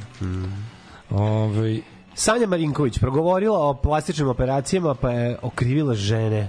Devojke guraju silikon gde god stignu, kaže Sanja Marinković.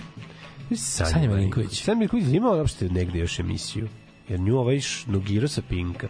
Nemam pojma. Sanja Milinković je jedna odvratna osoba, samo ću Da, to reći. Da, da, ukratko. Da ne, da ne ulazim u detalje. Oglasila se porodica Aneli Ahmić nakon suočavanja, niko ne zna šta. Nemoj me zezati. Šta kažu? Ne pojma, znaš, bukvalno kao si im pročitao hemijski ono, sastav, ne znam, ono, sredstva za čišćenje tepiha. Zvanično se raspali Desingerica i Pljugica. O, ne. Strabel in Faraday. Ja sam uvek bio fan pljugice. Mislim, nas je malo. Nas je malo koji ja smo ne taj... znam ko je Pljugica. Nas je malo koji smo na koncerte ovo Desingerici i Pljugice jel ovo išli. Desingerica? To je, ne Ko je znam, ne ovo? da moram, moram vidjeti. Ovo je sa, to- sa, sa brkovima. Ovo je izgleda kao pljugice. A ko su to ja? Ne znam, znam nas, na, bio sve, mislim, teška manjina nas je ovaj, kako se zove, E, na Desingerica je ovaj, ovo je. Pljugica, jel da? Desingerica ćelavi, da, da, da, Da, da, taj da. veliki ćelavi, da. Nakon, no, to je Nole seksuman. Okay. Nakon ko, koncerta Njućija i Vojaža, E, dobro. koji je bio pre dva dana u Beogradu, Kako to scena degenerika, ovo je stvarno, boli me mozak. Brate, ono. možeš da sve vidi. Možeš da kažeš da ti je sranje, ali prije Ali ne možeš da kažeš da- Prije, brate, Nućija i Vojaža. Znaš da, rekao sam da je prije najnoviji antielitizam. Naravno, prije je jesmo, najnoviji da. antielitizam. Ako kažeš da to govno, onda si onda si ono jednostavno... da, da, ono. ne, ne, Da. ne. Ti ne razumeš kao to. Mršu pizdom. U je, kaže ovako, u javnosti je pokrenula priča da su poznati dvojac Desingerica i Pljugica u lošim odnosima. Kao i da će uskoro doći do njihovog raz, razmimožilova. Živio loš odnos Pljugirice i Pa, Radi se o kreativnom razmimoilaženju. Razmomi išli su se. Razmomo. Pljugica je sada gostovao u jednom podcastu gde je otvoreno pričao o svemu. Voditelj je zanimalo da li će njih dvojice nastaviti dalje da snimaju, a Pljugica je bio odsečan i rekao da neće biti dalje saradnje između njih dvojice. Ja nisam ni znao da su oni da su oni ovi Boris Bizetić i, I Lepi, Lepi Siso. Siso. Oni, oni su do zadnje momenta bili zajedno. Mislim da neće biti dalje saradnje među njama ako me pitaš. Brate, ja kao Nas fan smo sada okej, odnosno. Naravno. Ali, Ali ne rade više uvek nastupamo zajedno. Promenile su se neke stvari u odnosu na naš početak. Prije toga smo uzimali 70-30, a sada, uh, 30-70. po, uzimamo 30-70. Na početku smo svaki dan po svaki dan po pola dana bili zajedno. Sad je drugačije.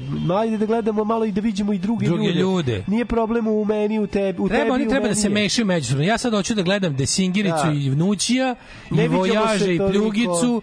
Začistili smo se odnosa. Hoću da dva dođu po meseca Marlon- za vreme letnje sezone bili zajedno. Hoću Pa, Marlon Brutal i De Niro da zajedno snime sa MC Sandokanom hit koji će biti... A, pa nisam ja znao, pa vidio su Daško i Mlađa je. Pederi. Pederi, Klasični. koji mi? koji mi? Pederi, koji mi? Ovaj, kako se zove?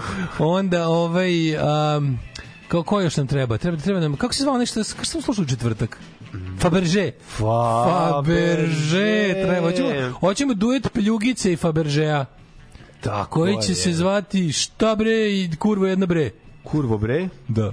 Šta bre kurva bre? Može. E, on bi da šije staniju patikom u glavu, da Singirica poručio Starleti da šije staniju patikom u glavu. Ništa strašno, mnogi su to prošli. ovo je beda. E, kad smo kod toga, čovjek koji, čovjek koji pored ovih svih sad deluje kao ozbiljan, ono, West Coast rapper, Rasta. Da, stvarno. Ja kad sam čuo Rasta, mislim da zvuka, ovo ne može, ovo je kraj muzike, ovo je zlo. Ja da dođu do Singirice, Pljugice, ja kažem, Rasta, brate, izvini. Izvini. Kako mogu da, kako mogu da ispravim? to- to kako mogu da ispravim ovaj, istorijsku nepravdu koju sam ti naneo mojim pljuvanjem tvojih Daj glinamol da pravimo, da pravimo rastu. Znači, posle ovog svega. Desi se nešto kume, rekao sam pre hapšenja, moje podsvesti to negde osjeća. Ma brate, znaš ti šta radiš? On kod ko, po- valjali smo gudru i rekao sam svom prijatelju osjećam. osjećam da ovo ništa, ovo što radimo, može da nas dovede u niz neprijatnih situacija. da, pljačka- Ukoliko budemo uhvaćeni. Ne, baš sam ono, ono bušim sef u banci, ono, Da, dok držim ljude. E, si- Da, ne, kažem, evo te ovo izgleda. Imam neki loš osim. Ne kažem da će se desiti, ali moglo bi. Negde. Moglo bi. U budućnosti. Da.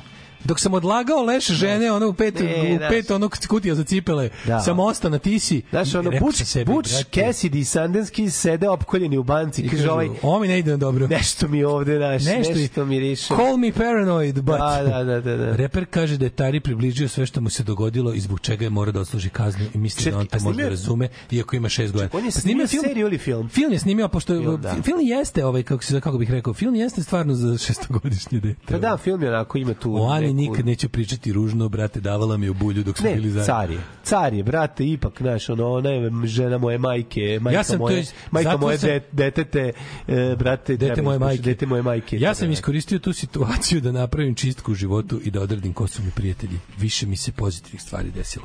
To, brate, evo, brate, Vidi, ako ima, treba nešto ti ima pomognemo, taj tu neki smo. jugo moment koji on A fura. ima, da. Znaš, ima. ne mislim jugo 45. Jezive, nego ne mogu, ja to stvarno, ja Da. dobijem želju da koljem ljude kad čujem tu pesmu, ono sve bilo koju njegovu. Ti ne voliš njegove najke. Ali kažem ti, bukvalno, majka me grle dok su mi stavljali Jeste, lisice. ali onda dođe desingerica i pljugica, razumiješ, Da, da, rasta. bude rasto, vrati se, Da, rasto mi te volimo, Rasto, stvarno, vrati se, vrati se. Rast zvuči kao agnostik front je. Bukvalno, Ono, znaš, kad dajmo, ono čuješ, da. majke mi, ovo je, ne znam šta da kažem. A, slušaj, brate, Jelena Kaži, Đoković se ne slaže uvek oko vaspitanja dece. Ali jedno zajedno sve znaju. Znači, a, u- traže pomoć astrologa i rešavaju Marko probleme. izveo Lunu i Lanu iz porodilišta. Živi bili veliki narasli, a mi se čujemo sutradan. Ćavo. Tekst čitali Mladin Urdarević i Daško Milinović. Ton majstor Richard Merc. Realizacija Slavko Tatić. Urednik programa za mlade Donka Špiček. Alarms svakog radnog jutra od 7 do 10. You touch my tra-la-la.